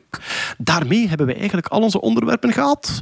Maar we hebben nog een aan aankondigingen. Zoals bijvoorbeeld, er komt een nieuwe live podcast in de Arenberg. En dat zal zijn op 16 maart. Eh, tickets daarvoor zijn natuurlijk te verkrijgen. 2024, 2024. ja. Dus dat, is- dat is Ja. nog wel even in de toekomst. Maar, Ja, ja. Ja, ja, dit jaar voilà. is er geen 16 maart meer, hè, jongens. Ja. Dus inderdaad, eh, komend voorjaar 2024, 16 maart, eh, tickets te vinden op nerdland.be. We hebben ook onze show voor kleine nerds. Dat is eh, 27 december in de Lotto Arena. En ook daarvoor zijn de tickets al verkrijgbaar. Ja, Hetty, we hebben al een brainstormgroepje waar we aan het kijken zijn. Wat gaan we terug doen van experimenten en vooral van uitlegjes. Hè? Want het tofste is dat ja, het is voor 8 tot 14-jarigen. Het tofste is dat die toch naar huis gaan met "Wauw, nu weet ik hoe dat werkt en hoe dat werkt. Ja. En ook wat dingetjes die je kan zien in de natuur en de wereld rond u, waar ze de rest van uw leven mee de oren van uw kop gaan Jij kunnen zegt zijn. altijd de show die ik had willen zien als kind. Dat klopt, ja. Ja. Zeg, Voilà. ik zou met een Samson al beginnen oefenen, hè, want... eh, Maar Hetty, is dat nu zo'n heel klein Zo. beetje een neongas hier zo? wat zo, een kerstshow? Allee, ja, dan Ja, moet het ja, toch ja. wel... Ja. ja, dit keer is het in de kerstvakantie, inderdaad. Ja. Hetty, Ja. je hebt een boek uit. Ja. Ik heb, hem eh, al, ja, ik heb hem al gezien, ik heb hem al doorbladerd, nog niet letter voor letter gelezen. Maar ja, je zegt net, de show die ik wou zien als kind over wetenschap. Ja, dit is wel het chemieboek dat ik had willen lezen. hè. Het is verhalend, Ja. anekdotisch, toegankelijk en vol met aha-erlebnissen. Ik hoop het een beetje. En Zo. eh, ja, het is, het is ook... ehm, ik ben chemie gaan studeren. Hè. Ik heb een kandidatuur in de chemie, voor ik dan in de biotechnologie en de genetica en het DNA en het kankeronderzoek terecht kwam. En het toffe is, en dat had ik echt niet verwacht, ik heb met dit boek te schrijven een beetje mijn liefde voor chemie herontdekt. Oh, Die, Fijn. die verwondering, die passie, dat maffe van dat vak. En, en ik hoop met de, de verhalen en de gebeurtenissen, waarop dat ik dan op een heel intuïtieve manier heel wat chemische concepten uitleg en daaraan koppel, dat dat ook een beetje kan overspringen op, op de lezer. En wel, sowieso ehm, ontdekken hoe iets werkt, vind ik altijd iets fantastisch. Bijvoorbeeld, en dat is nu een klein voorbeeldje uit je boek, het feit dat sommige moleculen een spiegelbeeld hebben, Ja. gelijk ons linker en ons rechterhand, Ja. maar dat die compleet anders werken in ons lichaam, terwijl ze het perfecte spiegelbeeld zijn. Dat, dat vind ik een heerlijke aha-erlevenis. Maar... Het gaat over chemie. Dat is vaak een beladen onderwerp als het over eh, de industriële chemie gaat. Er staan een paar Oppenheimer-verhaaltjes in uw boek. Hè? Mensen die iets creëren en zich achteraf afvragen... Wat heb ik gedaan? Ja, inderdaad. En, ja, en dat vind ik ook, het menselijke aspect daarvan heb ik ook steeds meer in mijn wetenschapscommunicatie probeer ik dat mee te nemen, maar ik dat heel mooi vind. Waarom doen die mensen dat? Wat is een drijfveer geweest? En ja, ik zeg, ik hoop echt dat heel veel mensen hem lezen en laat mij gerust weten wat je ervan vond. Maar ik ben er, ik ben er eigenlijk echt trots op. Ja. En terecht. Eh, Chemie, zo heet het boek. Yes. eh, te vinden in de boekhandel. En natuurlijk ook op eh, nerdland.be op de website. En op hettyhelsmortel.be waarschijnlijk ook. Ja. Voilà. All right. Jeroen, je hebt nog altijd lezingen. Ja, Waarover ik- gaan ze? Ah, wel, nu is het vooral de AI-lezing die ik geef. Eh, Ja. dit is volledig complementair met de lezing van de grote chef. Ik, ik, doe, ik doe theaterlezingen. Ja, jij doet en- echt de de conferentielezingen. conferentielezingen. ehm, Ja, dat gaat eigenlijk over eh, AI. Wat komt er op ons af? Wat zijn de limieten en beperkingen? Waar loopt het mis? Eh, daar ben ik mee bezig. En de Metaversus-lezing doe ik ook nog altijd. Dus Metaversus. dat is- Ja. Bestaat dat nog? Ah, wel, dat, dat, dat is een beetje, die lezing is een beetje omgetoeld naar wat was dat? Ja, wat hebben we nou wat weer was mee- dat en wat hebben we daaruit geleerd? Wat hebben we Eh, nou weer dus meegemaakt? Heb je al een nieuw hoofdstuk voor de, de Apple Vision Pro? Ja, daar ben ik aan bezig. Ah, ja, ja, ja. Jeroen-baard.be. Daar kunnen mensen eens, eens porren en dan kom ik die graag geven. Yes.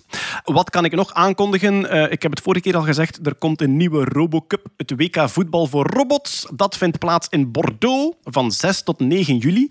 En eh, ik ga daar live verslaggeving doen. We Daar gaan... ter plekke? Ja, Ah, leuk. ik ga naar En Bordeaux.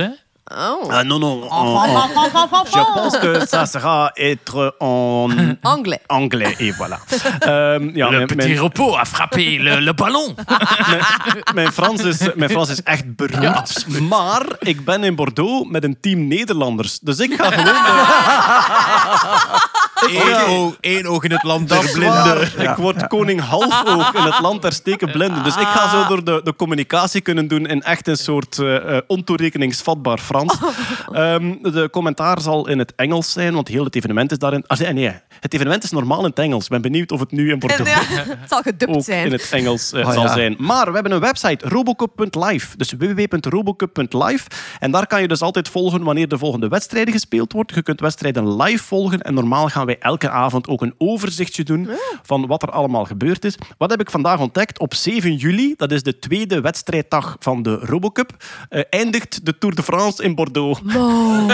Dus we zitten daar gewoon zo... Ja, maar hier zijn ook robots aan het voetballen. Terwijl dat grootste sportcircus van de wereld... eh, Maar ik vind dat jij dan toch in Vive le Velo zou moeten zitten Ah, zou het, eh, met over robots. Hè? Ja, we zullen zien. hè. Of, of zo, Karel, dat, kom. of zo dat, dat toeristisch uitstapje dat ze altijd Ja. doen. Wij gingen eens gaan kijken bij de nerds. En dan zo heel tendentieus gemonteerd als eh, men- mensen, ja, mensen met, eh, veel te, die veel te weinig zon gezien hebben heel het jaar. Die daar zo eh, bleek weg in een conferentiehal robots zitten programmeren. Ja, het kan, voor mij is het allemaal goed. Maar dus als je het van thuis uit wil volgen, 6 tot 9 juli www.robocup.live. Verder, ik heb gisteren mijn laatste optreden van dit seizoen gespeeld. Oh. Dus ik ga nu een vakantie van drie maanden tegemoet. Ah. Herrlichkeit. Maar vanaf oktober begin ik weer op te treden. eh, op vele plaatsen in België, die te zien zijn op mijn website lievescheiden.be. Maar ik ga weer op tournee door Nederland. En die vernoem ik er altijd eventjes extra bij, omdat daar meestal nog eh, langer kaarten voor te vinden zijn. Waar ga ik spelen volgend jaar in Nederland? Dus vanaf oktober, dat is in Os, Amersfoort, Groningen, Amstelveen, Bergen-op-Zoom, Maastricht, Rotterdam, Leeuwarden, Veldhoven, Waalwijk, Deventer, Doetinchem en Amsterdam. Als je iets gehoord hebt in uw buurt en je wil komen kijken, lievescheiden.be voor alle data en voor tickets. En dan hebben we ook nog eens een echte sponsor, Jeroen. Wie is onze sponsor van deze maand? Sponsor van deze maand is IC Sense. Dat is een Leuvens bedrijf. Hoe schrijf je dat? Eh, IC en dan Sense. En de Sense is dezelfde Sense als, sense, eh, als die uit Sense and Sensibility. S-E-N-S-E. Maar I, I en C zijn de letters gewoon. INC, ja. IC IC Sense. Ja, ja. Dus zij maken eigenlijk microchips op maat, eh, volledig van nul. En zij zorgen ook dat die op de markt geraken. Dus zij zoeken ook de fabrikage en zo daarvan uit. Ehm, het is eigenlijk een bedrijf dat eh, toch voor mij niet zo bekend was, maar die eigenlijk echt wel op wereldniveau spelen. Wat er eigenlijk heel vaak gebeurt, is dat er bedrijven eh, sensoren gemaakt hebben. Bijvoorbeeld, je hebt een hele goede eh, accelerometer gemaakt of een druksensor. IC-Sense is het bedrijf dat daartussen zit en die zegt van oké, om die sensor te kunnen gebruiken in een groter apparaat, moet daar een soort van slimme chip op zitten die die waardes kan uitlezen en deftig kan verwerken. Die en, moet eh, tolken eigenlijk. Voilà, die, die moet, die moet de, de, de sensor vertalen naar het moederbord of het programma of gelijk wat. Bijvoorbeeld. Ja. Het, het, het, voorbeelden van waarin dat ze aanwezig zijn, zijn bijvoorbeeld diabetespatiënten gebruiken een patch om hun glucosegehalte te controleren. controleren. Die verwerking daarvan, die chip dat daarover zit, eh, komt van hen. Eh cochlear, eh, Cochlear, hoorimplantaten, ja. cochlear, hoorimplantaten komen daarvan. Ze zijn zelfs aanwezig in heel veel smartphones. Want ook je smartphone zit natuurlijk vol met, eh, vol met Sensoren, ja, sensoren, accelerometers. da- daar zitten ze. Ja, en het is eigenlijk een bedrijf in Leuven. En die zijn, ja, die zijn enorm aan het groeien momenteel. En ze zoeken nieuwe collega's. Dat Ah, het is echt weer voor... Het is echt weer voor collega's. Ze zoeken, ze Ja. zoeken de nerds die het Ze kunnen helpen groeien. Momenteel zijn ze met 95, maar ze willen hard groeien. Ze zijn ook onderdeel van TDK. Dus het is tegen mij, het is tegen mij verkocht een beetje, want ik heb de mensen vorige week eh, ontmoet. Eh, virtueel dan. En Marian kent ze ook eh, Ja. goed. Ehm, het is een beetje een start-up met het geld van een groot bedrijf erachter. Dus dat is een zeer goede, zeer goede plek om te, wel- eh, te werken. In 2004 bestaan ze 20 jaar. En, eh, 24. vi- eh, nee, tw- twin. In 2024 bestaan ze 20 jaar. Dat klopt. Dus, want ze bestaan van 2004. In 2004 zijn ze opgericht, dus volgend jaar bestaan ze 20 jaar en verjaren ze dus. Eh, Hey, ja, Dus als je nu collega wordt, kun je zo de jubilee er gratis bij pakken. Gewoon. Oh. absoluut. Ik hoor het budget van een groot bedrijf. Dat is zijn mijn woorden, niet die van een. veel eh, taartjes. ja. Ja. taartjes. Ik hoop toch dat ze chips En serveren. chipsjes, hè? Ah ja, voilà, dat chipsjes, zou hè? Moeten. Oh, chipsbuffet. Mm. Wat ik ook onthouden heb uit mijn gesprek met hen is, iedereen kent misschien IMEC, maar dat Ja. is echt research and development. Zij Ja. zijn echt bezig met chips van begin tot eind marktwaardig te maken. Maar ze zitten duidelijk in dat Leuvens chiptech-ecosysteem. Ja, dat, dus- vind- dat vind ik ook prachtig. Dus in Leuven heb je een soort ecosysteem rond IMEC, maar je hebt dan in Eindhoven ook een enorm ecosysteem rond ASML en al die... eh, Buiten dat ze chip- niet alleen in Leuven zitten, ze en zitten ook in chip, Gent. eh, en ook al die chipmachinefabrikanten die je daar hebt enzovoort. En eh, ze zitten ook in Gent en dat zijn Gent. verschillende bureaus of afdelingen. daar, daar zijn hun designcenters, dus daar Ah, kun ja. je gaan werken. Ze zoeken voor beide locaties ze zoeken ze mensen. En ja, van, van chipstest eh tot het packagen van de, van de chips. Want een chip is vaak een, een combinatie van verschillende elementen. Hoe dat die gelayout worden op die chip, hoe dat je die het best bij elkaar zet. Hoe dat de routering van, van de stroom dat er naartoe moet, voltages, dat wordt allemaal daar geregeld en gemaakt. Eh, ze regelen de hele keten voor u. En dat is eigenlijk... Dat is, ze zijn eigenlijk op zoek naar mensen met een micro-elektronica-achtergrond. Eh, mensen die heel testgericht willen werken, mensen die eerder projectmanagement willen werken. Ehm, ja, het, het kan uit alle richtingen komen. Dus Eh, ook als je niet uit chiptechnologie komt, maar wel uit projectmanagement en Ja. organisatorisch sterk bent, dan kun je daar ook terecht. Zeker ook eens gaan kijken op de vacatures. Ze hebben speciaal voor onze landingspagina gemaakt en dat is icsense.com slash nerdland. En dus alles aan elkaar, hè. IC, S-E-N-S-E, IC Ja. Sense. Ja, ja icsense.com. voilà. Intercity Slash eigenlijk. IC, ja, ja. Of interrupt controller. De naam Ja. van de sponsor is iCsense, eh, niet Intercity Sense. Maar zo ga ik het wel onthouden. Ja, ja, voilà. Tussen Gent en Is het Leuven? Ja, check. Is het dit wat de sponsor wil? Icsense.com slash nerdland, daar komt de Als landingspagina. iemand zoekt om chipsjes te komen proeven, dat kan ik. Is het dit wat de sponsor wil? Els Aert kreeg een metaalvergiftiging.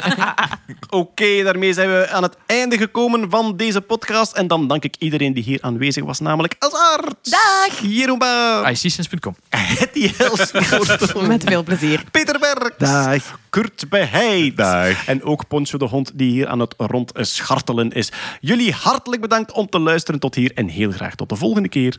Dag. Dag.